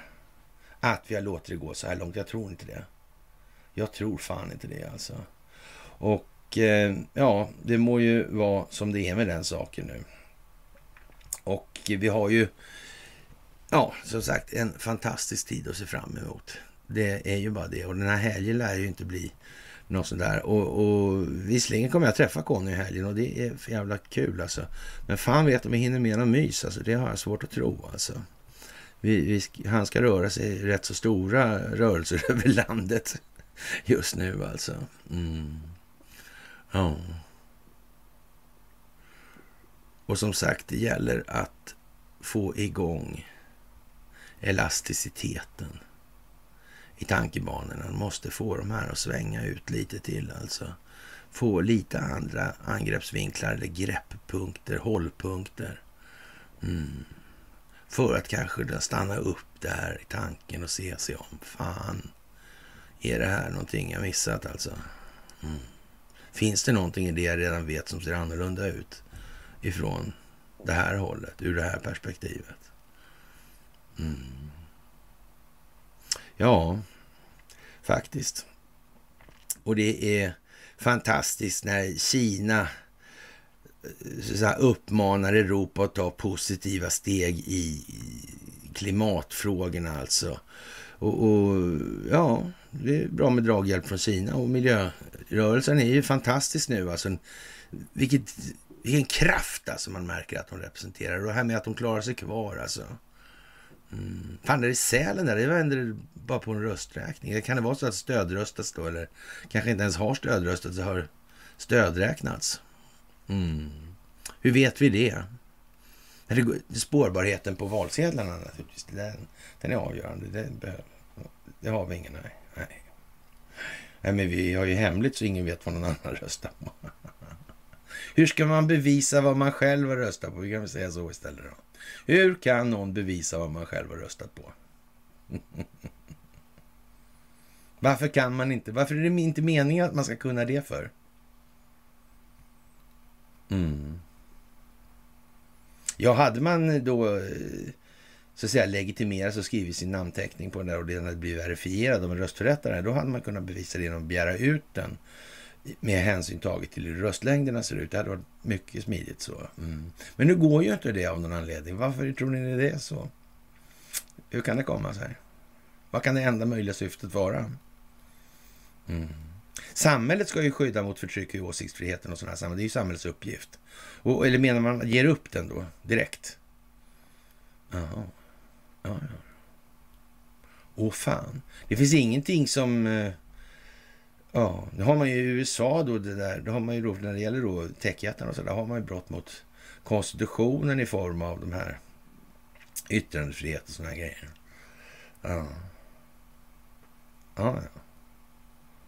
Det är ju speciellt alltså. Det är nog dags att tänka till för många nu, jag tror det. Det är ju verkligen en trevlig helg och sug och svälj för det svenska folket skulle man kunna säga. ja, faktiskt fantastiskt och eh, det verkar som att Facebook har en idé om att man kanske skulle ta och lätta på trycket på Donald Trump sådär. Och det, han har ju sådana förvärvsbolag för övrigt och de har haft en massa bottar i sitt register så att säga som de har kört. Fan också. Det där blir inte bra alltså. Det är omöjligt alltså. Och nytt coronavirus stoppas inte av vaccin. Och fy fan alltså. Hur ska det gå med allting alltså? Det är ju för jävla hemskt helt enkelt. Och eh, Reine tjurar till lite här. Han känner sig moloken idag. Han skulle dricka mycket grogg ikväll sa han. Så han pallar med det här fortsättningsvis. För nu, nu är han orolig för liksom, ja, befolkningens eh, mentala välmåga helt enkelt. Det här går, går ju inte liksom, spelar ingen roll hur lätt det blir då. Så, men eh, ja, eh, raka piper, härligt. Inget jävla knussel alltså. Ja, nej, men det är så. Så är det faktiskt. Det är lite eh, trist. Och i USA själv med pandemipengar då naturligtvis. Det är samma moraliska hållning ungefär inom den amerikanska förvaltningen som inom den svenska på väldigt, väldigt, väldigt många håll alltså.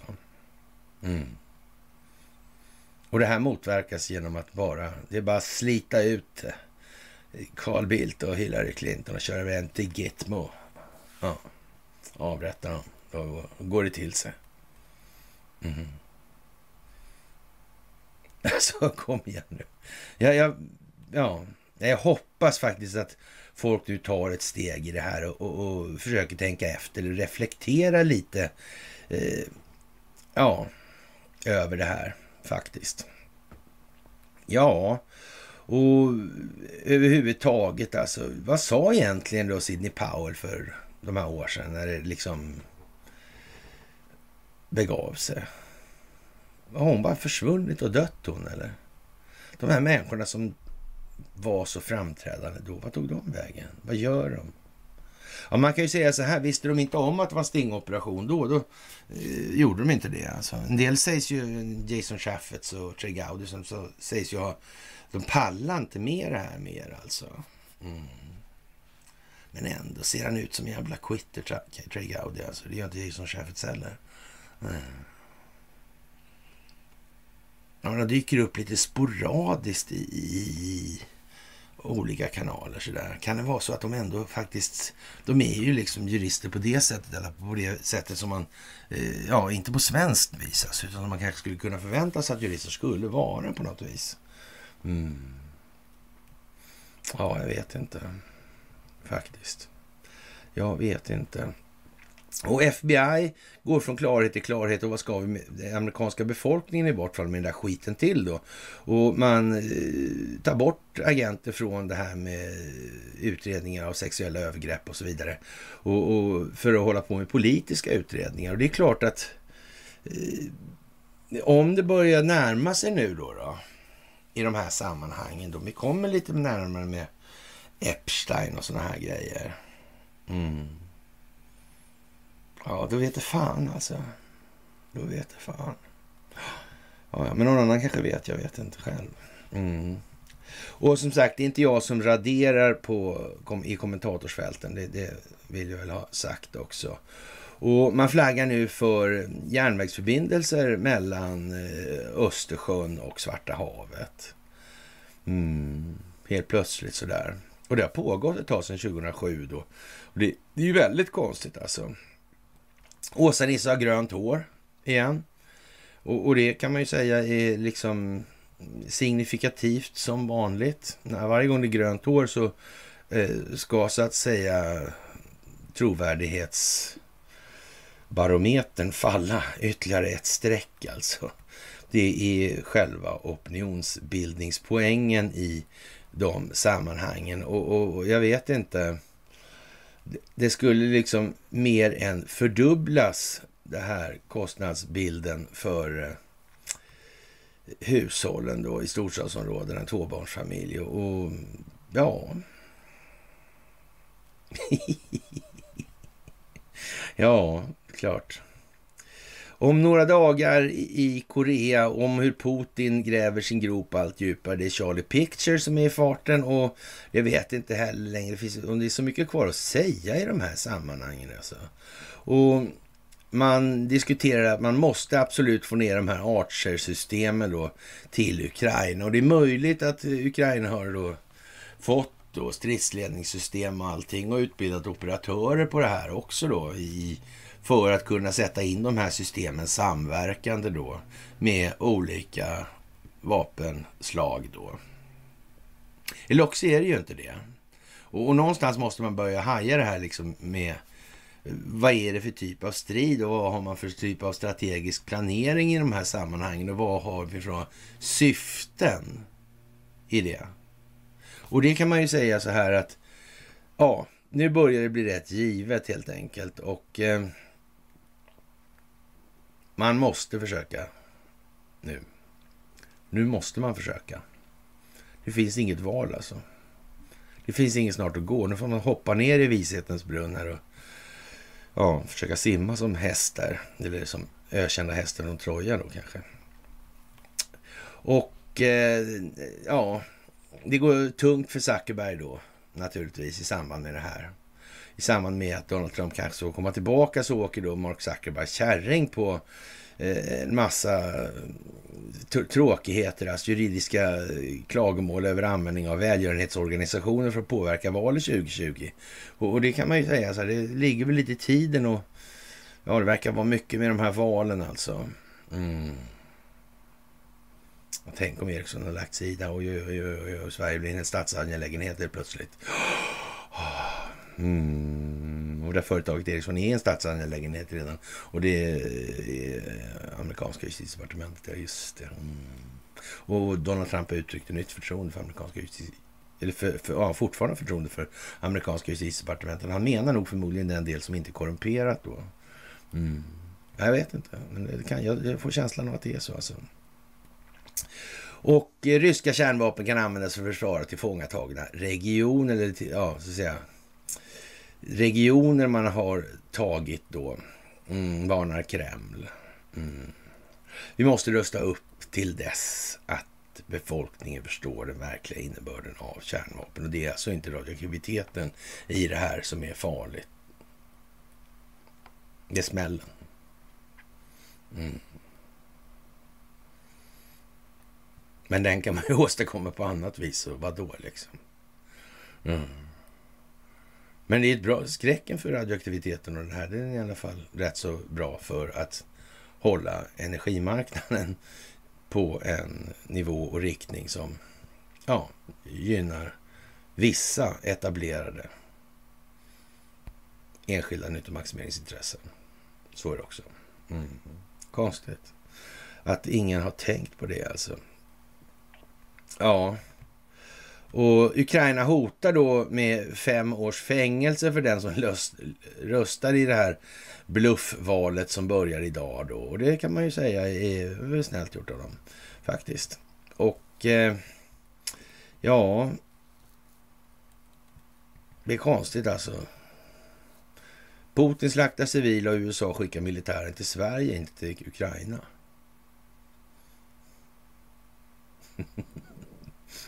ja. Och en och tre särskilda sändare. Ja, men alltså, det finns gemensamma nämnare ofta som kan utgöra en vägledning för hur man ska förhålla sig till en frågeställning för att få en riktig problemformulering. Mm.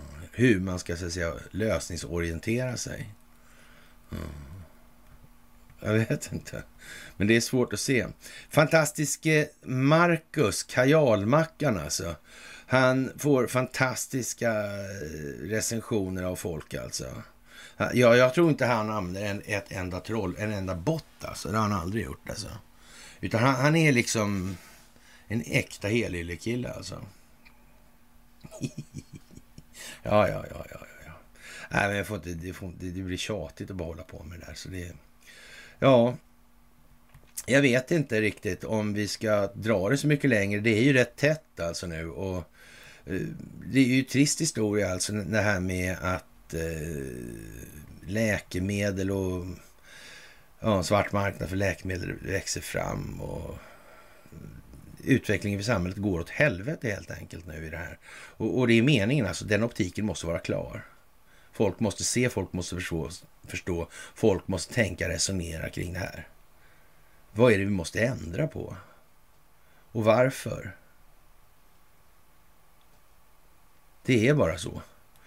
Och eh, det är tankar som individen eller resanden själv alltid har att hantera längs livets väg. Alltså. Och det är den förmågan som vi måste utveckla tillsammans. För bara om individen utvecklas så kan samhället utvecklas faktiskt. Och eh, det är ju liksom inte sådär äh, egentligen eh, jättesvårt. Alltså, nu har man, hör man till och med från polisen själva då att man tycker inte det är seriöst med kollegor som dansar och gråter eller apar sig rent allmänt i uniform. Alltså. Och, och, och, och uniform, det är ju vad det låter alltså. Och i den så, där håller man inte på med sånt alltså. Man gör inte så, som eh, Sanna Marin liksom. Som statsminister. Det är liksom ovärdigt. Man får resa sig med uppgiften, punkt slut alltså. Och, och, om hon ska välja idag uttalar jag mig som privatperson och jag kan göra klara känslomässiga distinktioner mellan privatliv och yrkesliv. Jag, mitt känsloliv ser helt olika ut beroende på vilken roll jag befinner mig i. Ja, godnatt. Yxskaft höll jag på att säga. Ja, och här hemma med regeringsbildning och annat, så jag vet inte alltså. Och det handlar alltid om IT-problem nu för tiden, det här informationsklimatet och, och kräft, Svenska kraftnät anmäler sig själva för, ja, de har registerkontrollerats av Säkerhetspolisen, eller 3700 personer i alla fall, registerkontrollerats av Säkerhetspolisen trots att kontrollen egentligen skulle ha avslutats. Det här är ju fantastiskt alltså. Det är en bländande optik. Det är det. Det går att se ur hart när alla möjliga perspektiv som existerar nu. Vad det här är för någonting. Vad går det här i för utvecklingsriktning? Vad kommer det här landa i? Det är bara så. Systemet är skuldmättat, har jag sagt det? By the way, liksom. Jo, men det tror jag jag har sagt faktiskt. Och eh, ja, det är ju inte mycket och folk kommer hålla sig undan den ryska mobiliseringen och godnatt. Ja, det är lite sådär speciellt alltså. Och eh, Zelensky vill ha en specialtribunal för att straffa ryssar. Ryssland för den här invasionen. Då. Och det är teater, det är teater, det är teater, det är teater. Och nu måste man faktiskt ta och se lite grann i den delen alltså. Och svenska resenärer blir utkastade från hotell i Turkiet. Alltså det är ju fan att det ska behöva gå så här långt alltså innan vi vaknar i det här landet. Ja, det kan man säga. Det kan man verkligen säga. Tidigare justitieminister döms till döden i Kina och det händer just nu. Samtidigt som svenskarna blir utkastade naturligtvis. Och Orban upp, uppmanar EU att häva antiryska sanktioner. Ja, jag vet inte. Det verkar liksom, det är samma tema någonstans i det här alltså. Och ja, eh, ännu en mäktig ryss har trillat i trappan i vanlig ordning. Ja, ja. Och som sagt, vem kan tjäna på sånt där alltså? Kan bara vara en part. Finns inte annat alltså. Faktiskt. Och, och om eh, vederbörande bedöms vara opolitlig i det här trapptrillandet då, så, så, måste väl ändå rimligtvis prioritetsordningen vara att säkerställa både tidigare och nuvarande informationshanteringsmöjligheter. Då finns det väl ändå bara en presumtiv nyttotagare av den här typen av händelser. Så det är den djupa staten. Det är det alltid alltså. Jag menar, vad... vad Staten kan ju låsa in honom. tvivlar någon på det? Det kan de inte, de mördar honom istället. Sådär. Och drar allt ljus på sig. Jaha. Ja, ja. Ja, ja, det är klart. Och ja... Och, och vad ska man säga alltså? Och då kommer det någon stjärna och, och säger då, har de bytt taktik? Förr var de vanliga att hängas i dörrhandtaget. Nej, det här är inte det är inte den ryska statsförvaltningen som ligger bakom det. I alla fall inte den delen som vill Rysslands väl. Det är den djupa staten som ligger bakom den här typen av tilltag. Det gäller att förstå det här nu, faktiskt. Och som sagt, gripna får inkallelse redan i arresten. Och det verkar svårt att förstå liksom. När Svenska Dagbladet går ut med en sån artikel, och, det, är liksom, det är ett öppet erkännande att det är så. Det är precis som jag har beskrivit nu alltså. Och det är inte på något annat sätt. Det är att förhindra vidare destabilisering inrikes för ryskt vidkommande det här sker. I den delen. Ja. Och jag menar, att mobilisera i de här sammanhangen med gällande det här gränsnätet då mellan Ukraina och de här presumtiva ryska delstaterna, eller vad vi ska kalla det för.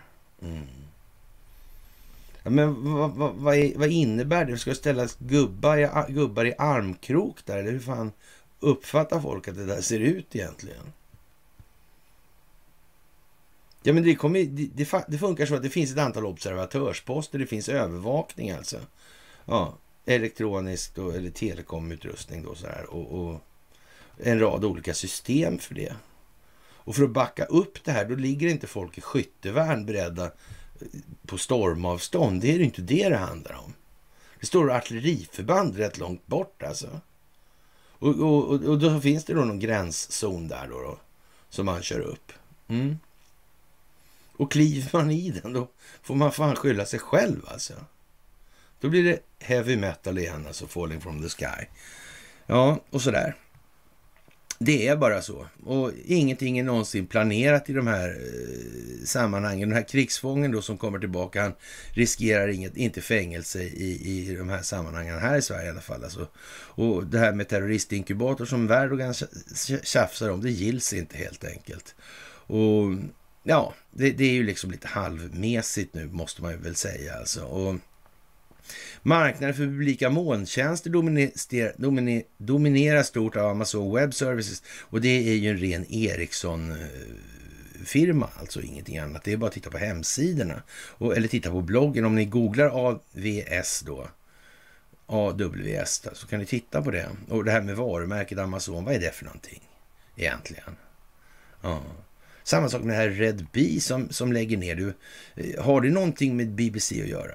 Hade, hade Red Bee någonting med han den där eh, Jimmy Savile? Hade Jimmy Savile någonting med pedofili att göra? Hade pedofili någon, i de här kretsarna och, och kring kungahuset och sådär? Han kanske kände prins Charles, eventuellt kände prins Charles honom till och med rent utav. Alltså den här andra killen, Andrew, han kanske kände någon också eh, eller så. Eller, eller något. Han kände i alla fall Epstein. Och, och Charles och, och, och, Ja, jag vet inte om de kände varandra de där två brorsorna. Eller hur fan var det där egentligen? Ja. Nej, jag har ingen aning. Det är jättekonstigt. Det är svåra, långa hopp liksom. Sådär, så man går svårt att veta.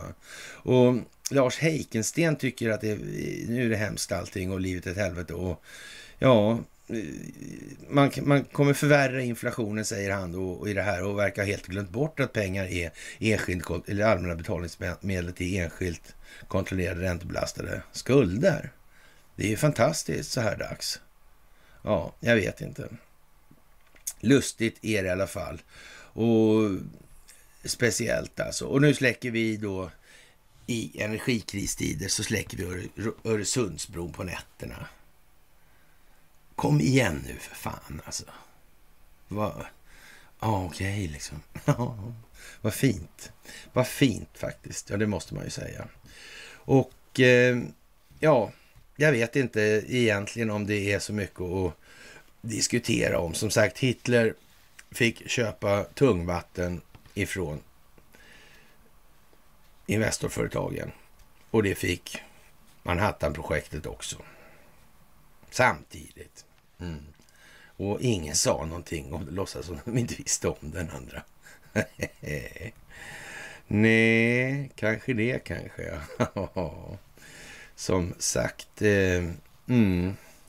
Och man, man, börjar komma upp i såna här grejer på DI till exempel att Eh, ja, det förs en diskussion om att inflationen är importerad och Riksbanken kan, kan inte påverka den här. Liksom. Och det, då, det finns ingen mekanisk koppling mellan bankernas skapande av lån och styr, de så kallade styrverktygen, alltså räntenivåerna som Riksbanken har. Ja. Och nu kommer det dessutom att inflationen är importerad och ingenting som Riksbanken kan påverka.